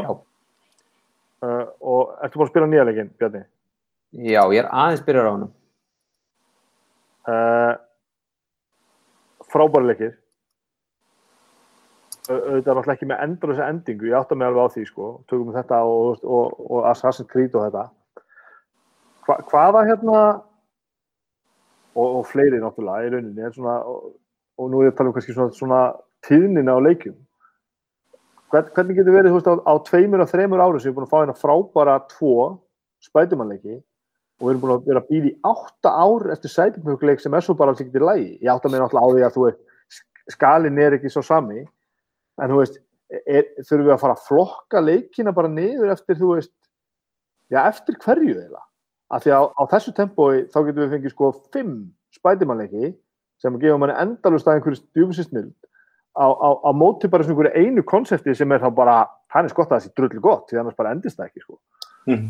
Sko, Spiderman Það er náttúrulega- hann er PlayStation exclusive og það geti verið að nú er nú gott að vera með kannski einhvern veginn svo Rosenkrantz, hérna, Daniel Rosenkrantz sem veit meira um svona hvernig stúdíun virka og það allt sko en sko Insomniac Game sem gera Spiderman leikin er bara það er bara drullu gott fyrirtæki að búa til eitthvað svona þú veist, eins og Ratchet Clank þú veist, og taka svo Spiderman og gera geggjaðan leik úr því að meðan CD Projekt Red er kannski að gera svona stærri leiki eins og Witcher 3 og, og hérna Cyberpunk sem að koma út á þú veist, hvað komur þetta á? PC, Xbox One, PlayStation 4, PlayStation 5 Xbox Series X uh, og Stadia Já, já. Nákvæmlega. Þetta lítur líka að spila bara reynsluleysi, bara þú veist, reynsluleysi hérna þegar þessi gerir setnum bara í að gera þetta og geta executa svona stóran leik með allar þessar eftirvæntingu og þú veist, ég meina vendar hefur eftirvæntingin tógað leikin upp í stærð og umfangi, veist og, og að það aftur hefur kostað tíma og vinnu á hinum endanum. Já, en ég er kannski líka, ef við tökum bara til þess Red Dead, ef við setjum hann í flokk með, þú veist, með Cyberpunk, mm -hmm. þú veist, hvernig er þetta að við erum að býja tíu árið eða eitthvað eftir nýjum Red Dead leik og meðan að við getum fengið fimm Spiderman leiki? Já, nákvæmlega. Er það ekki bara því að Rockstar eru bara að reyna að mjölka þetta eins og, þú veist, hérna GTA 5 kom út á PlayStation 3, endur gjörðum PlayStation 4 og næsta ári kemur hún út á PlayStation 5. Mér er hann ekki frá, er hann ekki frá 2011?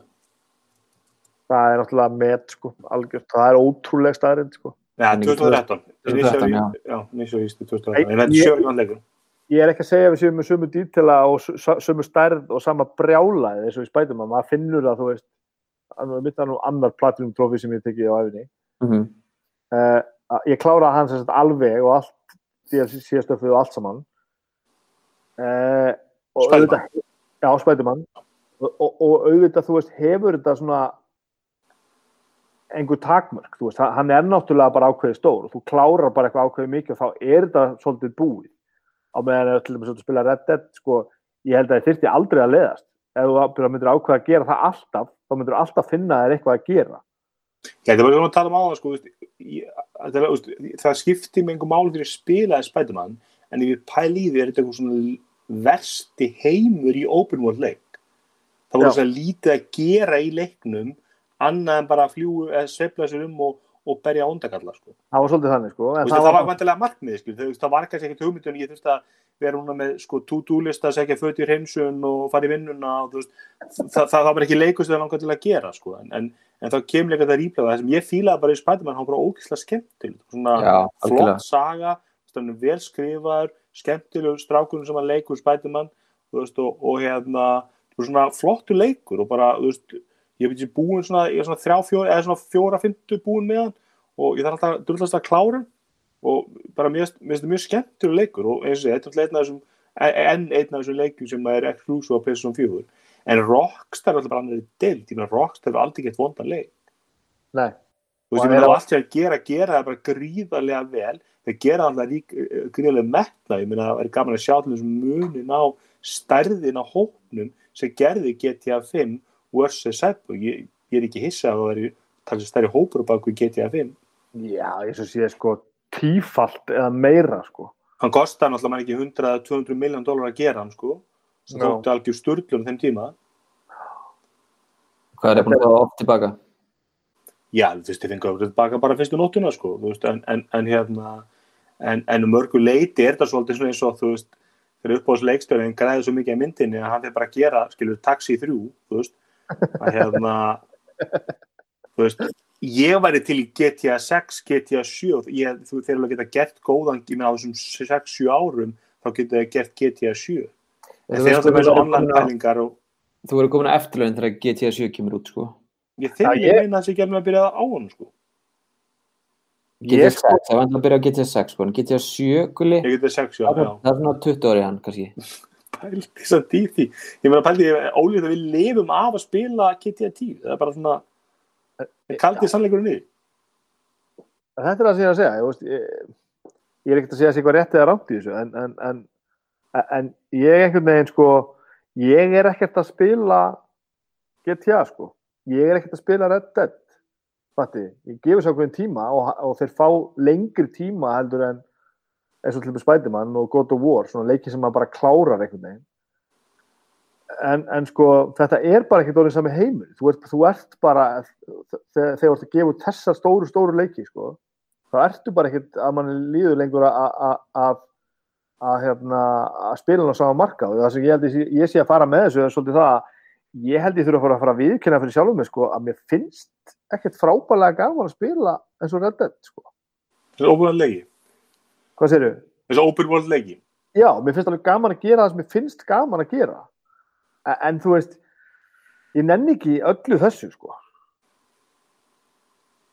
Ég já, skil það bara alveg mjög vel sko. já, ég hefna sko, svo er það líka, ég er að fundi með þessu open world leiki að maður fær líka svolítið að satt, njóta þeirra eh, ég finn það, ég leið klár söguna þess ég hef ekki spilað Dead aftur sem kláraði söguna Nei, sama hér sko. ég ekki vindin á löngu til að fara þannig að ég gera, svo er ég að spila Zelda núna þessu ári og hérna Breath of the Wild sem kom að switchi fyrir nokkur árum. Og þá passa ég svolítið bara að vera ekkert að drífa mig með svo verður bara, ég er bara svona að njóta og fara um leika mér og taka lögamisjón og svo leiðis og ég er svona, ég er að reyna bara að loka kaplan eftir, þess að loka hérna barða og þú veist, ég ætla svolítið að gera það í setbögg líka, ég ætla ekki að vera stressa því að vera lengi með söguna bara svolítið að njóta leiksins Já, bara vel sagt sko. ég, og ég tengi, ég tengi alveg við þetta sko. alveg bara er allavega sko. En hvað hérna, við kannski, nú erum við svolítið að súma það sem að stóð upp á árunni, hvaða leikir sem eru framundan er það sem að við erum spenntast fyrir? ég held hvað séru? Já, Bjarni minn Eh, Það sem ég er spenntast fyrir er uh, Horizon Forbidden West að því að sá leikur sem ég er örugglega spilað fyrir utan GTA mest á hérna, PlayStation 4 var Horizon Zero Dawn. Og kláraði hann og kláraði ekki alveg DLC-ið en hérna en já, Forbidden West, ég vil sjá þennan töluleik á PlayStation 5, takk fyrir. Ja, hann lítur ótrúlega út. Og komur þetta óvart, hann kemur líka á PlayStation 4 Já, nákvæmlega. ég, ég sá þetta þegar komum bara þetta lítur eitthvað svona next gen sem að PlayStation 4 er ekki við, en hann kemur á PlayStation 4 hann á að koma 21 og, og lítur, ég hef aldrei spilað er, Horizon Zero Dawn eitthvað sem maður þarf að spila Já, algjörlega sko. fyrir mann sem að fíla open world leiki sem maður er mikið að veiða Þú getur veitt í honum sko og þú færir með þess að ég gengur ekki mikið út af það, ég, er það svona þetta gengur náttúrulega mest út af það uh, að að gameplayið er þannig að þú ert að læra inn á það hvernig þú hérna, dreipur þessar maskinur uh, með að hitta á ákveðna punta og nota ákveðin vopn og svona.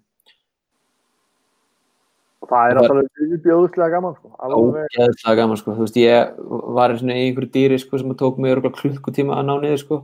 Svo sá ég einhvern mann á YouTube sem gerði það á einni myndu, hann bara já þú bara skýtur hérna fyrst. Og þá dettur þetta af. Svo hleypur að því og bara neglir því með þessu priki hérna og þá bara deyr það. Ok, það er það og gerum við það bara. Jeps. en Þannig svo að ég er mjög spenntið fyrir þeim leik. Svo er það Gotham Knights sem þú myndist á hann sem er, er, er hérna í þarna þessi hérna Batman serju sem að er búið að vera nátt hvað Arkham Knight og, og fleiri leiki er þetta ekki svöum framleiðendur? Ég er ekki viss um það. Ég bara veit ekki. Og hann lúkkar hans þessu. Hann er aðeins meira svona teiknumyndalegur sko.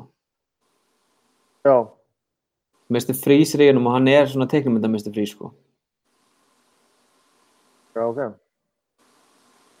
áhuga Þetta er sama að gera hérna, já þetta er sama að gera Batman Arkham Origins Nú, ok. og Batman Arkham City Armored Edition. Það er, Wii eitthvað. Það gerir Mm. Batman Arkham Origins á Wii og Windows, Xbox One Xbox 360 þannig að hann er stöðum eitt á milli. Þetta er, en, en hann, hann, ég sé til og hann, hann skýtlúkar svo er leikur sem margjur spenntur ég get ekki tengt við það, það er hann að nýji Hogwarts Legacy, Harry Potter úrplæðinleikur já, já, Já. einmitt Þú veitum marga Harry Potter aðdöndur sem það haldi ekki vatnið við rónum. Hann geti verið skemmtilegur. Það var eitt sem ég ætla að tala líka um 2020, ég var búin að gleyma því. Eh, og líka, um, er það að spila Switch? Já, Tekka er eitthvað Borderlands á Switch? Kom ekki hana collectioni, Borderlands ég collectioni? hef ekki tjekkað með, hann, fær, hann, keiri mjög vel. Já.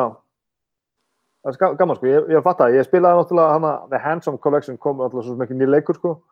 Mm -hmm. Uh, Borderlands 3 kom út í fyrra á það ekki, 2019. Já, Ég spilaði þetta alveg slata, þetta var alveg, alltaf, Borderlands 3 ógeðslega skemmtilega sko. Ég, þetta, finnst svolítið áhugavert að sjá þetta á Switch sko. ég, það er alveg magna hvað er ná að kresta út úr þessum, hvað mikið aðeins með dúmleikinni báða nýja hákum á Switch og það er alveg magna hvað er ná að geta í, grunnir er Switch á pari við PlayStation 3 í afleið. Sko. Það er Þannig að- æmið týralegt. Þannig að þeir eru helviti góðir að kresta, ég sá ná eitthvað vídeo, ég sá netinu í gerð, það var einhver sem búin að sem setja upp raytracing á Super Nintendo, það er svona eitthvað demo, það sem hann er að gera raytracing á Super Nintendo. Þannig og ég man eftir líka kom einhver, sem gáð sko FPS leik á original Game Boy þú veist, 20 ára setna sko hvað menn ná að krista út aflið úr þessum vélum sko, var ekki alltaf sagt, var ekki PlayStation 2 þannig, að það var ekki hún sem var með einhverjum EBM riskorgi og það er PlayStation 3 sem var bara ógeðslega flókið af, af hvað er það, Emotion Engine var það ekki Það var þrjú, held ég alveg það örgulega. var þrjú sem var bara, við, sko, og alltaf, með alltaf að rífast sko, hvort það er upplifið Xbox eða Playstation þá var alltaf aflið sko, fræðilega sér miklu meira á Playstation en það var svo fáir forriðar sem gátt einhvern veginn bestlaða sko. Já, já, akkurat. en, hérna, en Switch, það væri mjög gaman, gaman að fá ef maður fengi sko, Switch sem væri maður getur ekki verið að byrja með einhverja Playstation 5 grafík en, en Switch sem væri einhvers staðar rúmlega Playstation 4 það getur verið það verið gaman að sjá lefa þessum Nintendo developers að fá það afl Já, það er alveg spennandi sko. Sko, 2021, vil ég þenni með eitthvað hefða? Já. endilega, Sko, til þess eftir það hvenær kemur hérna Ratchet Clank? Var komið tíma á það? Er, er það ekki bara fyrirpart árs sko? Jú, það ekki Ég held það, jú. Ég held að sé ekki drosa langt í hann. Það er til dæmis gæti orðið alveg viðbjóðslega gaman. Og ég er að sé ekki af hverju þetta ekki árið gaman sko. Og já, ég, ég hugsi ég er klálega eftir að teka honum. Anna leikur sem að ég hérna sem ég er alveg svolítið að býða eftir sko. Hann kemur heldur bara í janúar. Það er Hitman 3. já, Já. Ég held að Hitman 3 geti orðið það getur verið það getur verður verið hann episode based eins og hérna 2 ég held það já Sko, ég talaði við einn mann í dag sem ég þekki sem að vinnur hjá mann ekki hvað þetta fyrirtæki heitir sem að gera hann leik. IO Interactive. Er það ekki Já. danst fyrirtæki? Þetta er dansfyrirtæki, passar, hann bjóði Danmarku það er ótrúlega að það sé danst það er merkilega það sko til Það er unbelievable. Um, Hann var að segja mér að uh, progressionið úr Hitman 2, þú getur fært það yfir í Hitman 3 þar að segja oh my god. Já, og ég var að segja við hann, þú veist, er eitthvað sem ég þarf að taka fram hérna eitthvað svona, hann sagði, já, haha, bara geggjast Hitman leikur svo fara eitthvað svona. En svo myndi bara, já, herðu hérna, VR það er vist geggjað í svona leik. Spilinu Ó. VR herðu, ég sé það alveg gerast. Það er mjög talað um það með þeir sem eru að spila leikið svo GTA 5 í VR að þeir hætta að sko berja fólki út á götunni sko. það var svona, þú veist, það er þetta tilgæðsins ofbeldi þegar þú horfir einhvern veginn framann í gamlu kona sem að labbaði eftir í bíliðin sko þú ert minna til í að berja hann til döða sko ég vil það ógeðslega gott Æ, Ég heyrði líka einhverju sem að hvort hann var, varð fyrir bíl eða, eða þú veist, var inn í bíl og svo krassaði hann í VR sko og bara nefnir ekki enn sko Já, ég trúi því. Ég, ég, ég er mikill hitmann aðdandu og mér segja að þetta er einn af fá leikir sem ég spila alltaf aftur og aftur. Ég kefti það alla Steam, á, á alla nema tvö á Steam, sko. Ég hend oft ykkur um görnum hitmannleikin og, og hérna, spila ég mjög vittlu, sko. Ég eiginlega bara spila borð þannig að ég get farið inn með, með hérna, eina byssu með silencer, drepi eða alla án þess að komast upp, sko bara það þannig spila ég og bara eins og missioni, ég man ekki hvað hitmanleika sem þú, það er einhver gæði svona witness protection og það fullt af, hérna einhverjum FBI-gaurum að passa hann sko, fara þá ná að drepa alla FBI-gaurina, drepa gaurinn og lapp út. Bara, mér finnst það skemmtilegt en, en, en, en hitman 2 fannst mér samt svona þú veist, ég náði ekki alveg að detta inn í hann, ég kláraði hann sko en veist, það er svona leikur sem að ég er ekki sem ég er að spila aftur sko. Nei, saman En ég er spennt fyrir þrjú, ég, er búin að horfa á af vídeo um honum og, og, og mér finnst einhvern veginn alltaf þessi, þessi hitmæleiki, það er svona, það eru svona mjólka frans eins og svona myndir sem maður líka búin að sjá og allt þetta svona, veist ekki það þessi kannski sérstaklega gott og ég veit eru, maður sá hann í hitmæn 2, þar voru ykkur með einhverja, sko, þeir voru ekki með flottustu leikjavelin í bransanum, sko, þú veist, maður svona, maður spila hann á Playstation 5 Pro og svona, alveg, þetta, er þetta sama vél eins og maður að spila kannski, veist, þetta er ekki alveg að flottasta, sko. Nei, ég, já, alveg rétt sko. Ég- Hitman líka lifir svolítið bara á legasínu maður. Ég man bara þetta kom. Þetta var bara svo geðvikt, þetta var svo frábær hugmynd og þetta var svo gaman sko. Mm Já, Það var svo, þetta var eiginlega ekkert eins og neitt annað sem að hafi verið í- gangi, þannig að þetta á eitthvað svona alltaf eitthvað svona pínu ímanni sko. Mm Já, ég meina og það er replay value var mjög mikið sko, því að maður var ofta þú veist, svona- leikur sem kallar það, ég, ég er yfirleitt ekki svona svona þar máðan, sko, leikirnir bara settur á, á easy og, og walkthrough á kantinu, sko, ég er ekki mikið til þess að klára leiki 100% eða eitthvað svona þurfi einhvern veginn að fara inn og mastera en hitt með leiki sem ég er búin að spila millisum og þú maður vill oft bæta mission, maður vill ekki vera með einhvern veginn léritt rating og maður er svona að fara, ég get gert það meira smúð og, og að googla maður að finna kannski eitthvað betri leið og næra, næra að taka mission meira smúð Já, þannig að það er- það eru leikið sem eru já, ég ég vissi ekki að það var bara þetta en það sem vera. Svo alltaf er ekki sagt að þegar ég kynna nýja God of War já ég ætla ef þetta game þetta hátt að síða sko, það hlýtur náttúrulega að vera hápunturinn á þessu sko. ég, ég, ég var alltaf leng, seint að koma hann of War var það búið að hæpa hann svo mikið en ég spilaði hann bara núna í síðasta mánu og, og ég, ég, held að þetta sé bara besti leikurinn á PlayStation 4 bara, og hann er algerlega frábær sko. bara Já, þessi ég- saga og bara þessar personur og bara úr tengingi maður er að drösla sem að strápi ána hann skilur og svo bara er maður svona stoltur faðir hérna í lokin skilur þetta er bara þetta er svo, þú veist þannig að ég, mér var stafið stórkvæslega, ég, ég hugsaði að ætlir farið menn í open world? Ég myndi spila hann. Þú veist, að því að, að hann, stundum langaði maður svolítið að hann væri í open world, maður svona að maður geti farið meira frjálstum þetta svæði sko. hann er líka bara stundum svona alltaf því verið að reyna að ljúga því að manni að hann sé world, það er svona leikurinn svona gefur stundum svona siglu undir fölsku flaggi sko. mm -hmm. bara, getur farið um öll svæðin aftur sko. já, já, svo reykum maður sér bara á það bara, nei, nei, þetta er náttúrulega ekki opið sko. það er ekkert að tala um þetta þannig en hann er, en maður fær samt sko, tilfinninguna fyrir því að maður sé í heiminum sko, maður fær þann partin af open worldinu Já, það er sem hugsa með sko, ætliðir hafi vilja að gera óbúld, það er kannski verið dýrt eða tímafrækt eða þú veist, ég myndi að halda þetta að mann er sko peningaskipt í málið en þetta er mikið flagskipt leikur sko, Mhm. en, en, en þú veist, ég var eitthvað alveg til að prófa það, sjá, sjá að reyna við óbúld útgáðu sko. en komum þá aftur að það sem við vorum að tala um áðan. En það er komið að leikur núna 2021 þú ert að tala um leik sem komið 2018 ég vil frekar hafa þetta svona og fá nýjan leik 2021 heldur en að hafa þetta eins og GTA og fá nýjan leik 2029 Einmitt. Það kemur aldrei 21, það verður kynntur það ekki, er það ekki Ég, ekkert það að var- í, er það release 21? það var verið að rífa ansi mikið kjaft allavega hann að hvað segir Þannig að þegar við vorum að horfa á þetta um daginn, Bibi, og skrifast á ekki messenger, var það ekki, þú veist, það var náttúrulega ekkert sínt í þeim trailer, það var bara eitthvað, eitthvað logo og voiceover, sko. En samt, Já, já. Wikipedia segir release 2021 sko. Já, og ekki lígu Wikipedia, það hefur aldrei gert Nákvæmlega. Æ, ég meina það Já, það- allavega Ja, það er hérna, það verður mjög áhugavert. ég er að fara að dríja með að klára God of War og kannski Last of Us 1 líka. Varstu búin með að taka, Varstu búin með að taka, Nei, ég er ekki búin með God of War. en, en þú guli já, ég, og ég spilaði hann bara í kiftan hann á, ég ætlaði að köpa með Call of Duty og, og hérna, og fannst það svo allt og dýr fyrir einhvern veginn, sko, fimm tíma single player mission, sko. Þannig að- að ég, þá var ég með þannig að eða hann að Black Friday útsalan og ég kefti God of War á, 10 dólara. hvernig gekk ég með loka bossinn Ég, ég, varst hann veist, og mér hann bara lengi, hann var ekkert erfiður. Var sem ég var leng, lengst að berjast og var drekin held ég. En ég spilaði alltaf easy, sko. Já, ég líka.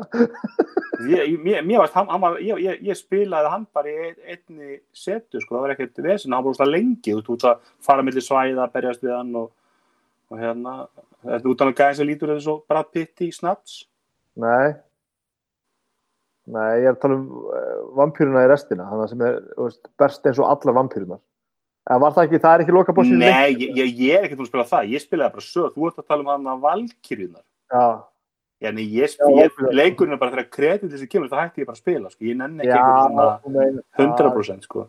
Já, já, ok Já, en það hann er með þannig að hann eiginlega, þetta er svolítið svipað bara eins og þú, hérna, þegar maður klárar, sko, sem að leikja, hann veginn hættir í miðjun, eða það vilt að sögu eftir, vilt að alls konar, sko, ekki Já. bara spila sömu borðin aftur.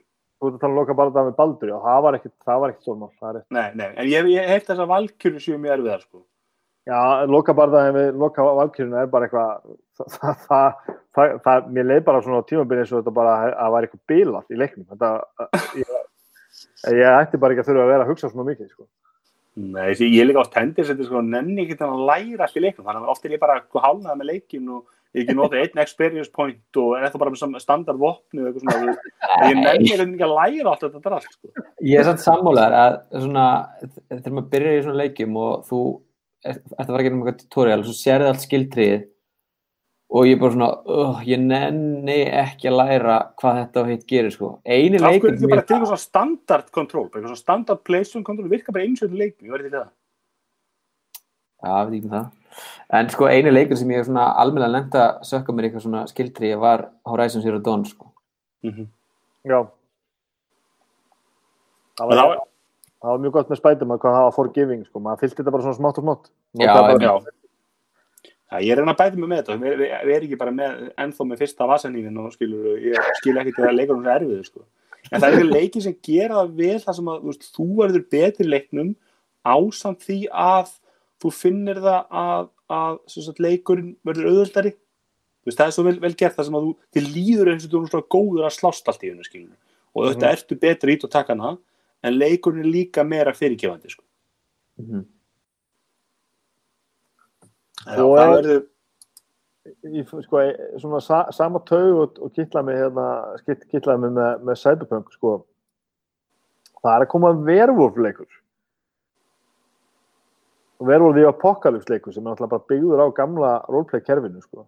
Er það ekki, það, það er það sem að CCP áttu það ekki? Jú, þeir áttu, áttu þetta og seldu og þetta. gerðu það aldrei, þeir, þeir ætla að gera vampær leiku það ekki sem að Já, og, og það er komað tveir vampæri maskarilleiki líka. Já, þetta, þeir, þeir, þeir voru sko, þetta var bara eitt af því sem var að draga CCP bara í þrótt og þeir voru með þessa tvo leiki hana sem voru með endalist development og það var bara ekkert að gerast var það ekki bara þeir voru með þessast vampærleik og veruleik sko. Þeir áttu Whiteful, sko, kiftu Whiteful sem, sem að gáði þessa bækur, sko. Og, Já, já. og Matti fylgdi og, og kifti það vantalega bara til að fá hérna, fá útgáður til þessum leikjum. Það, svo fór Já, já. það bara upp í einhverju hillu og þeir endur með að selja þetta.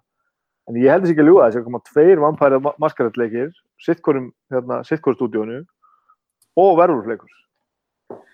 það er allan að hérna já, og Ah, svo það er verður The Apocalypse Earthblood kemur á bara all, öll plattform eila bara PlayStation 4, Xbox One Windows, PS5 allar þessi Xbox tölur Já. þannig að þetta er held skýt lúkar það, er komað að Bloodlines 2 vampæðileikurinn og svo er að koma frá sömu, sama stúdíu heldur að ge- gera apokalypsleikin, verðurleikin er að koma annað lægin af vampæri maskarið sem heitir Swan Song og virkar mjög dark og skemmtilegt. Þannig að veist, eh, roleplay nördin í manni er að fá nóg sko, svona, og það er verið að taka greinlega mjög mikið af þessum gömlu gömlu hérna roleplay kerfum og, og, og hrista þessu upp í þeim og, og, og, og búa til leikuru sem er frábært sko. Ég með Það er líka bara skilur flottir he- heima sem var búið að virkilega úthugsa nóg til að flottum sög ég meina þessu stóru eins og alltaf Dungeons and Dragons og mikið sem eru líka með endalust af bókum til. Þannig að efni er gríðarlega mikið sko. Þannig að þetta er mjög snið svo, svo alltaf leikur sem að ég hef aldrei spilað ekki, ekki einn að það en, en það er komið nummer 6 Far Cry 6 Al- Saman hér, aldrei spila farkæð og ég bara veit ekki af hverju. Það er bara einhvern veginn. þeir voru alltaf í maður sko á PC var þetta alltaf svo okkvæmlu leikur því að hann var alltaf svo svakalega þungur sko, þurftur að hafa bara algjörða medjón mulningsvél fyrir að geta spilað hann sko Var það samt ekki Crysis? það var kræsi ég er auðvitað það, farkar er open world leikur eða ekki Jú, já, ég veit ekki hvort það fyrsti var það. svo er Eh. annar leikur sem er svolítið svipuð pæling að ekki sem er svona, þeir ganga svolítið út að vera getja að finna maður með íktari ekki Just Cause, hann er svona Just eitthvað bara Það er komað fjögur þar eða? Fjögur er komin, hann var farkar, á það hérna- er PSN, fríleikur? Nei, jú, var hann ekki PSN, ég held það. Er fjögur kjúklingamæri leikur í farkar 6 Jú, ég held það.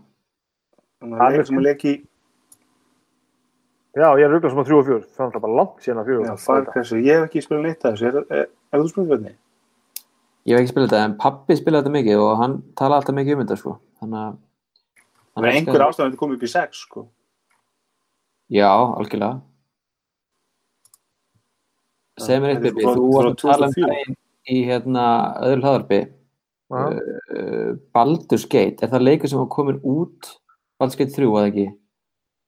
Já, það talum því að ég var að taka viðtalið við hana hérna Uglu, Uglu. Já. já. Hvað, með, hvað með þann leik? Sko, nú er að koma Elder Scrolls 6, er það er það það saman? Nei, Sorry, það er ekki, það er ekki það sama Nei, það er ekki það sama sko. Elder Scrolls er samt svona alveg legend í Já, því þú margar sem eru búin að spila alla alla þá serju alveg frá sko og það er leiki sem eru ekki bara nefn 90 eitthvað ekki jú. Og þetta er náttúrulega auðvitað höfða til sama, sama hérna hóp sko. Það sem er að koma núna sko, það, það sem er er í farvatninu núna í þessu baldurskeittæmi sko, annars vegar að koma baldurskeitt þrjú sem að eru reysastóra frettir sko og fyrstileikurinn kom alltaf bara út sko fyrir aldamot 98 eitthvað. Og svo kom hinn bara ekkert löngu setna og svo kom eitthvað svona dótari og, og á milli. Þannig að Baldur's Gate 3 er alveg, alveg það er alveg hérna það er eh, alveg frett og hann á að koma 2020 uh, nei, nei, kom núna 2020 segi ég, á, á að koma það var eitthvað early access drast sko. Uh, en verður svo 2021 uh, full release á honum en svo ég að stóru fréttina fyrir allavega svona okkur stóru nördana síðan það er að koma sko Dark Alliance sem er Dungeons and Dragons leikur sko sem er ekki Baldur's Gate. Og það var sem sagt sko eða er ekki Baldur's Gate sko. Það- þegar okkur fannst, okkur nördunum að Baldur's Gate var hann lélugur, þá, þá gáfuðu þau út líka Baldur's Gate, Dark Alliance og Dark Alliance 2 sem kom þarna með tvekja þryggja ára millibili eða eitthvað og þeir leikir tveir eru frábæri, þeir eru hann bara upp, upp úr aldamótum. Og núna er lókist að koma eitthvað sem ætla, ætla ekki að leipúla held ég sem sem hérna sem Baldur's Gate og heitir bara Dark Alliance. Og það er eiginlega leikur sem ég er eiginlega svona, svona fljótt á, á litið spenntari fyrir heldur en heldur en, en hérna Baldur's Gate 3 og þú kannski aðalega vegna þess að, að Wizards of the Coast eru að publisa Dark Alliance það er, það er kompanið sem að e, gefur út e, D&D Já, alltaf gerir Magic the Gathering. og gerir Magic the Gathering sko. Þannig að en sko uh, uh, Baldur's Gate franchise er í rauninni farið eitthvað annað sko, svo alltaf veit maður að það getur náttúrulega farið allavega sko, en, en, en það, það er svona ég held að nördarnir séu svolítið meira að býða eftir Dark Alliance Það skjótir þetta með Elder Scrolls, sko, að fyrsti leikurinn kemur 94 já, hann er undan við, við- við Elder Scrolls Arena, sko, og þetta voru svona roleplay leikir í minninu og í minningum voru þeir open world. En, en svo alltaf með, sko, er það ekki Elder Scrolls 3, Morrowind, það var alveg tímóta leikur. Morrow Það að líta Morrowind bara sem besta leik sem gerir verið, sko. það var meistaralegt ótmaður, djúið var það gaman. maður. Og svo alltaf var ekki, hvað hérna Skyrim, hann alltaf að koma Switch manni sko, þótti, þótti virkilega pína allt afl og hann var mjög öflugur og, og þetta er svona leiki sem að þeir þurfa ekkit að hæpa upp þess að það eru bara miljónur manna sem hafa spilað alla seríuna og eru bara að spila alla seríuna. Þetta er alltaf svona sama sem að tala um í GTA þú veist, Rockstar vil ekki sinna þessu markkópi við GTA en, en þú veist, ég myndi spila alla GTA leiki ég fengi einn að þryggjára fresti og, og þetta er svona, þeir eru ekkert það er Skyrim kemur 2011 og svo kemur hérna svo er þeir með sko Elder Scrolls Online. Og hérna en Skyrim er unni síðast í svona single player leikurinn þeirra sko. Það kemur alltaf þeir komið með alls konar eitthvað expansion pakka hérna sko. Dawnguard, Hearthfire, Dragonborn Special Edition Skyrim VR það er búið að mjólka þetta brandalín á nýja árum sko. Þannig að það er, er, er nú að taka maður, er það frábært. Já, svona við hefum alltaf því að ólíkt sko kvikmyndaðina sem alltaf hefur bara með versta ár kvikmyndasögunar og, hérna og mun alltaf bitna líka á 2021 að leikið, það er ekki náttúrulega leikið maður getur búið þess að leikið til eins og stúdíum hótt að sé ykkur vera í gangi já, já, ég vil bara eh, ennþá frekar sko, það er svona margt sem að vinna með því hreinlega þannig að, að það er alveg hérna er alveg vinklið líka sko Ég vil segja, ég fæ meira út úr töluleikin þess að dagan heldur en kvikmyndum. Það er bara, mér finnst ekkert eins og bara Spiderman orginleikurinn á PS4 er, er betri töluleikur heldur en Spiderman Homecoming var sem bíómynd, sko. þetta eru rosalega fullir ykkar Þetta er líka svona, þetta er svona bara með alla list. Að þú veist, oft sko, þú veist skilur maður ekki leikus og verður að leikrit í, í leikus þú veist, hún bara skilur okkur að höfundunum samti þetta sem leikrit. Bara þetta er ekki virkað sem bók þetta er ekki virkað sem skilur, þetta virkað sem leikrit. Og það eru margir leikir sem eru bara þannig að þú veist maður tengi bara upplifuna því að þú veist, í tölvungi er ert að upplifa þetta sjálfur og þú tengi bara við þú veist, leikir sem, og, og þetta svo fyndi með grafíkina í minningunum var þetta leitið þetta ógeðslega vel út og sem maður skilur vídeo af þessu hvernig þetta leit út í gamla dag þetta bara eins og skýtur en í minningunum var þetta bara ljóslifandi frá maður og þessi Já. upplifun og þú veist að upplifa einhverjar tilfinningar, einhverjar sögur, spennu og svo leiðis að, að þetta er ekki alveg samlega þetta er bara eins og veist, það, það er engin bíómynd sem getur náð þessu. Nei, þetta er miklu meira eins og góð skáldsaga eða þú veist þess að hún nærið einhverju dýft en svo er líka bara annað í þessu þú veist uh, frambóðið á bíómyndum og sjónvarsáttum er alltaf orðið þannig að, að þú veist, þú, þú ert með endalust frambóð og þetta tekur í mesta lagi svona þetta er um bíómyndir tvo tíma að horfa á þetta, tvo og hálfan kannski. En ef þú ert að spila góðan tölvöld þú ert alveg innum vesta, bæði tilfinningarlega og tímalega, þannig að þetta er þú veist, mér finnst þetta eiginlega bara að valla sambanlegt sko. Nei, það er miklu meira kjöt og bennum Já, en ég meina stundum er ég bara í stuðu til að se- setjast niður og horfa á, á, á spætumann sko, en þú ekki alltaf að vera hann. já, samanlega. það er að segja þvottin og fara með, fara með börnin á leikskóla Þannig að þú veist, ég held þetta svona ég held að þetta sé svolítið að svona færast hvort frá öðru sko. það var alltaf að vera að tala um að tölvuleikir voru svo miklu leikir og svo eru tölvuleikir sko miklu meira svona realistikir og, og, og lengri og sagan sterkara og þá var svona einhver frasi sem var til bara þetta er bara, þetta er bara að vera alveg svo bíómynd. Þá fórum við að um að það var svo merkilegt sko og svo einhvern veginn svona, svona lífum við sem séum að stíða tilbaka bara þetta er ekkert eins og bíómynd, þetta er bara eitthvað allt annað. Þú ert Mhm. ekki, þú spilar ekki tölvuleik eins og horfir á bíómynd þú að sé að vera að segja þér sögu kannski e, á, á, á báðum stöðum. Ég bara, ég held að þetta sé bara orðið orðið, orðið tvent ólíkt og mér líður alltaf bara svona eins og þú veist kvikmyndur og sjónvarsættir eru meiri afþreying heldur en heldur en tölvuleikir. Tölvuleikir eru áhugamál. Þetta getur hitt verið áhugamál líka en það spilar engin tölvuleiki sem hefur ekki áhuga á því. En það er fullt af fól- fólki sem horfir á bíómyndir sem hefur engan áhuga á bíómyndum þannig, þetta er bara gaman að er ekki í sófa og láta skemmta sér sko. Algjörlega. Spiluðu þið Death Stranding? Nei, ég myndi aldrei gera það Hvað þarf við þið? Ég myndi aldrei gera það Hann var svolítið svona sömu, sömu bylgjurindi eins og þessi hérna trukkarleikur sem tölum um það, áðan það ekki. Var þetta ekki svona bara trukkarleikurinn hann? Já, þetta er svona sló eitthvað Þetta er stó, stóðbreyðing. ég greip í hann einhvers staðar að sem ég var bara svona því mér langaði, ég sá hann var einhvers staðar og bara mér langaði bara að prófa þetta uh, ég skildi þetta alveg veist, ég náttúrulega skildi ekki alveg leikina því að leikur er náttúrulega óskiljanlega það að maður lendur náttúrulega stundum bara í einhverjum aðstæðum sem að bara, maður horfur í kringu sig og bara af hverju er þetta svona? Og eina ástæðan fyrir þetta er svona er það bara að hann hann að developer, hvað hann heitir hann að brjólaðingurinn Hideo Kojima. Hideo Kojima. ha- hann ákvað bara að fokka í höfðinu á, á, á heimsbyðinu og maður finnur bara fyrir því sko.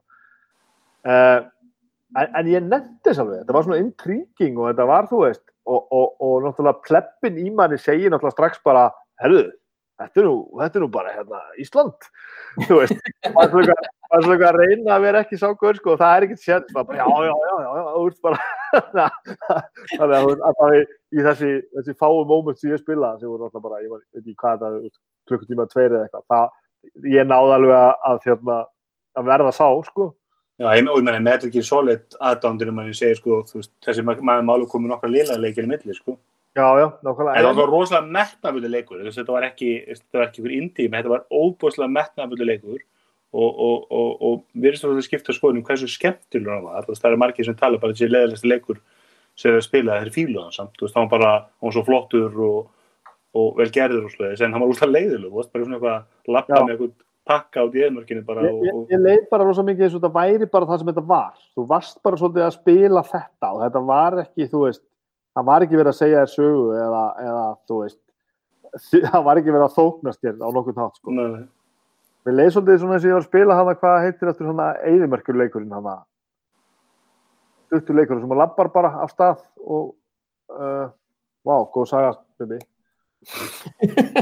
hljómar ekki spennandi leikur, Nei, lappa maður- sko á, á, á, hérna á pappirum átt að hljóma hann eins og leðilegasti leðilegasti leikur í heiminum sko, hann var alveg ævintýrlegur það er nú, nú Djörni munið til Djörni, það er með labba svona þetta er svona japansk japansk stemning mm með svona trefil sem stakkar Já, og það er ekkert að gerast, þú ert bara svona eitthvað að rölda bara eitthvað og, hann er náttúrulega ekki svona stór hann er miklu minni og, og, og svona afmarkaðari og ég, ég fekk svona þess, þennan, þenn, þenn, þennan fyrir Djörni 2012, djúvillir orðin djúvill líður þetta maður. Fuck shit. Og það var svona, mér leið bara svolítið eins með hann. Ég var bara einhvers staðar svona að þvælast í einhverjum heimi sem einhver hafi búið til fyrir mig og ég bara svona náðu bara einhvern veginn að njóta þess að gera það sko og maður skilur ekkert allt og maður hafa bara svolítið að sætta sig við það og skilur ekkert allt. Það er líka oft sko, um, um, um, að sér myndir skilur sem að, bara oft sér myndir sem að hérna, þú veist, það var kannski ekkert, þú veist, þú nöst kannski ekkert upplifunar, en hún skildaði svo makka spurningar, og var svo margt einhvern veginn skrítið og flottuð hana og maður var bara hálfpartinn, þú veist upplifun var góð. Og það kannski, þú veist, maður, maður var ekki 100% ánað með eitthvað, eða, eða ég að hún svo tens eða, eða svo skrítin bara Þannig að, en eins og ég segi, ég veit ekki hvort ég hefði ennst í honum, en það, mér fannst gaman að- að að prófa þetta, sko, mér, ég nöyti þess alveg, sko. Já, þetta er svona einn af þessum leikjum sem að ég verið með listanum með en ég hef ekki, ekki nefnt að spila en, en, en, en hvað ætlaði að spila í jólin? Hvað er á jóla playlistanum? Uh, ég ætla að halda áfram í GTA 5 að klára þetta nýja hæst. Uh, ég er sem að reyna uh, komin aðeins inn í Spiderman, um, Star Wars, Jedi Fallen Order. Uh, kannski að gefa hérna Demon's Souls aftur sinns. Ekki Þú veist ekki fíla það? En mér finnst bara svo leðilegt að degi töluleikum. Sko. þetta er ekkert hægt, þetta, þetta er bara, hver hefur gaman að þessu ruggli, þessu ruggli er það. Gerir mig alveg fokking brjála. Það er eitthvað svona 11 ára krakkar sem að fá það út í því, sko. Sem er frábært, ekki miskilja mig. Ég, ég greinilega bara, ég hugsa að ég sé vandabólið þannig, sko. Við erum gamlir og hægir. En Hvað ætli þið, gömlega kallar að spila? bara eitthvað auðvelt ég hérna ég játaði hér mig ég er ekki alveg búið með Lastafus ég, ég ætla að klára ég ætla að klára hann í rólu og, og, hérna, og, og njóta þess bara að gera þess hægt og ég geta því að svo ég er viljandi búin að vera að treyna það bara hérna, að spila sko það er alveg verkefni nummer eitt og ég hérna, þeir, þeir eru aðeins búin að Gullið og aðeins hérna náður að tendra í mér. Ég ætla, ég ætla að kveika þrjá á, á Tony Hawk, sjá hvort ég kemst ekki eitthvað lengra með hann. Já, það, það, mér finnst að það er líka góð, góð leikur sem að grípa inn á milli, sko. Maður er komið með, þú kannski fastur í einhverju eða er eitthvað svona pyrrandi í einhverju leik, sko, að grípa í Tony Hawk. Sko, ég, ég er svolítið með að klára, ég ætla að klára Spiderman, það er svona mitt mission, ég náðu að klára, sko, Red Dead á einu ári og Spiderman er eitthvað svipað. Og hérna, og allir klára Sp- Spiderman og, og, og, og spili svo hérna Cyberpunk, alveg ræmur. Já, ég er náttúrulega veit að ég eftir að fara inn á webstore og horfa á hann svona 85 sinnum, þú veist, Cyberpunk, þú veist, ég á bara að hætta þessari þrjósku, þú veist, að ég er hérna eiginlega bara búin að ákveða, veist, ég er búin að spila raskati svona öllum buksum sem ég á, að vera ekki með flestum fimm í höndunum og, og, og, og CD Projekt Red er búin að spila raskati úr buksunum með að hafa Cyberpunk ekki kláran, sko, hvort það er ekki, ekki bara að að samena þetta, ég hafa mikið sem er hjónabandi og, og ég kaupi bara PlayStation 5 þegar ég fæ hann og þá eru leikurinn alveg splendid á PlayStation 5 og ég, allir vera glæðir en ég áttur að rífresa allt sko og, og, og horfa í það hvort ég að kaupa Cyberpunk og byrja. Þú að vilt þú, þú sörga upplifuna, þú vilt að hún sé þú ert eiginlega að hitta akkurat á það sko. Mér langar bara að þetta sé frábært. Mér langar bara að- að að vera einhver fixer einhver staðar og fara út í Combat Zone og hitta Johnny Silverhand og upplifa bara og veist, taka allt dópið sem ég bara að taka miljón sinnum í, í, á- og, þú veist, með teningum og blíjandi og mér langar bara að gera þetta allt og upplifa þetta og mér langar að þetta sé frábært og ég hafi verði ekki fyrir neinum óbröðum minni Já, þá, myndi ég alltaf ekki spila PlayStation 4 útgáðana. Nei, þannig að ég, það- já, ég, þa þarna, þarna verði ég sko. Það er einn leikur sem ég langar að nefni, nefni viðbútt.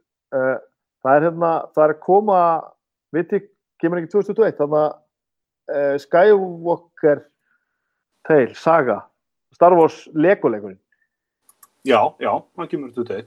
Æ, ég held að það getur verið gaman. Djöfull, e, og, og það þarf náttúrulega, e, við erum mikið fyrir, ég get ekki talað henni eins og það þarf náttúrulega að tala sérstaklega um þetta, þetta, þetta Legomál, sko, ekki að við séum fyrstir með það, en þú veist, bara hva, hvaða snillingur let sér þetta það í huga að það væri gaman að spila fræ, fræg fransæs sem Lego-kallar.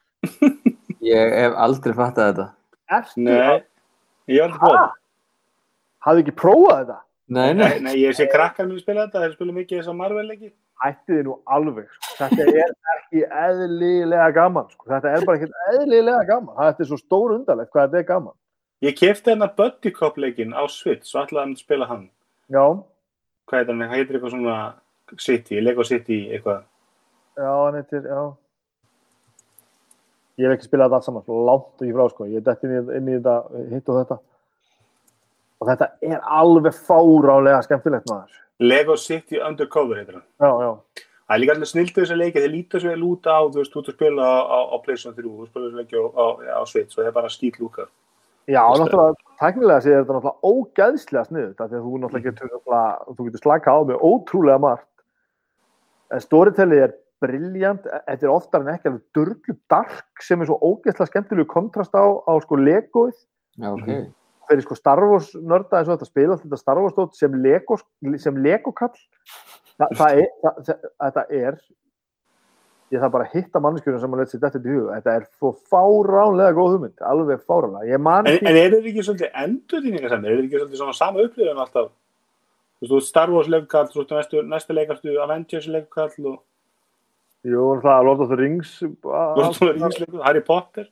Það er bara, þú veist, þannig að þú veist ég held ég að keft alla þessi leiki því að þú veist, þegar komin allavega 5 dólar þessi hérna, þú veist, þetta var bara svo ég, svo ég missi verið því þegar það byrjar alltaf aðfokadag eða jóladag, þá byrjar alltaf útsala á Já. og ég finn alltaf með eitthvað 100-200 dólara í bara og þá kaupi ég mikið svona leiki sem að já, ég krakkandi geti gaman að spila Hello Kitty Lego útgáfuna og grýp maður hana já, FIFA, Ég- yeah. FIFA þá, hann, hann er komin í eitthvað 30 dólar í bandaríkjum sko. Djúvill er ég ekki að spila FIFA. Ég er Ekki bara, það er bara eitthvað lengst frá bara því sem ég geri á æfinni held ég, það er að spila FIFA. Ég spila fyrir leikjum, kaupa það bara sko. það er, veist, það er og svo En kaupir það aftur á, á mismöndi plattforms hvað áttu Já, GTA 5 á mörgum plattforms en þremur platformum. Og, hérna, og mun- myndu kaupa hann á PlayStation 5 ef að hérna, myndu selja mér hann, þeir ætla að gefa mér hann. Nei, þú ert að, já, er það? Þú fær fríðafastum já, það verður fríð okay. og ég myndi kaupa hann á Switch ef hann kemur á Switch já,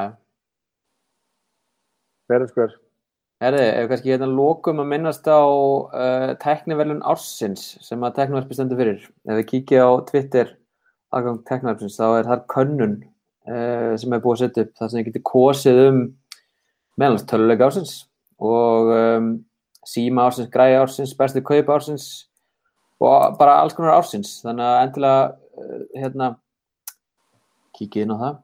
Og við munum svo taka upp okkar árs uppgjörstátt í kjölfæðu og, og hérna fara yfir listar og velja okkar ársins. Algjörlega.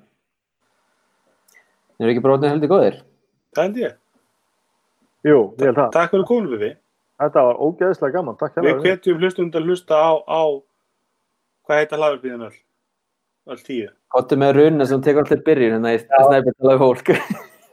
Á mánudum Hljóðkirkjan er stendur fyrir sex slaðurpum og mánudum með dómstafur það sem að er verið að dæma hlut sem skiptir ekki máli þá kemur bara einhver og segir, aðja krakkar hvernig finnst ykkur samlokur?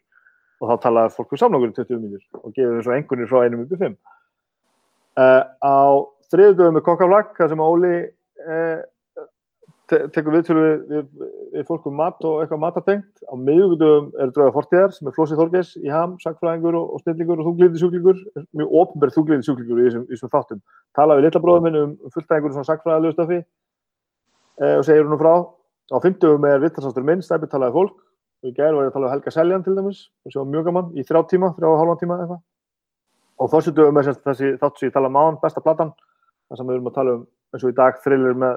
og er eins og Michael Jackson og, og hérna og allt sem við kemur þá Michael Jackson og svo er þátturinn hans Villa Magvits nei, hættu nú alveg líka á fyrstum þetta er nú daska á hljóðkirkjunar hverju viku. Það er ennþá merkilega hvernig þú nefndir um okkur í dag sko. það er alveg Já, mér finnst það með magna alla, með alla þess að þætti sko. en þetta er bara svo gaman sko. Þetta er gaman. Það er, En en ég, ég, ég, ég er með þú veist viðtalsþátt einu sinni í viku sem að, eða sem ég tek viðtal sem er kannski einn og hálfur upp í stundum fjóra tíma og ég er bara að komast það í betur og betur með alla þessa þætti sem ég tek þátt í og allt sem ég geri eins og, eins og við erum að gera núna. Að toppikið er ekki nema svona 25% staði sem að þetta snýst um. Og ég vissi bara eins og núna veist, við, við, við erum bara að tala saman í næstu tvo tíma sko. Og þetta er bara einhvern veginn þegar að félagskapurinn er góður þá er þetta bara ógeðslega skemmtilega þannig að þess vegna nefndi ég nú að gera þetta. Mér finnst þetta ógeðslega gaman. Og svo náttúrulega eru það að borga mig svo hryllilega mikið af já, peningum. svo er það það er enda, Place of 5 er á leiðinu hún hérna, Ákvæða herru, Herri, takk fyrir komuna. Já, takk. Kærlega verið mig, þú er þetta gaman. Takk fyrir dag, heyrjumst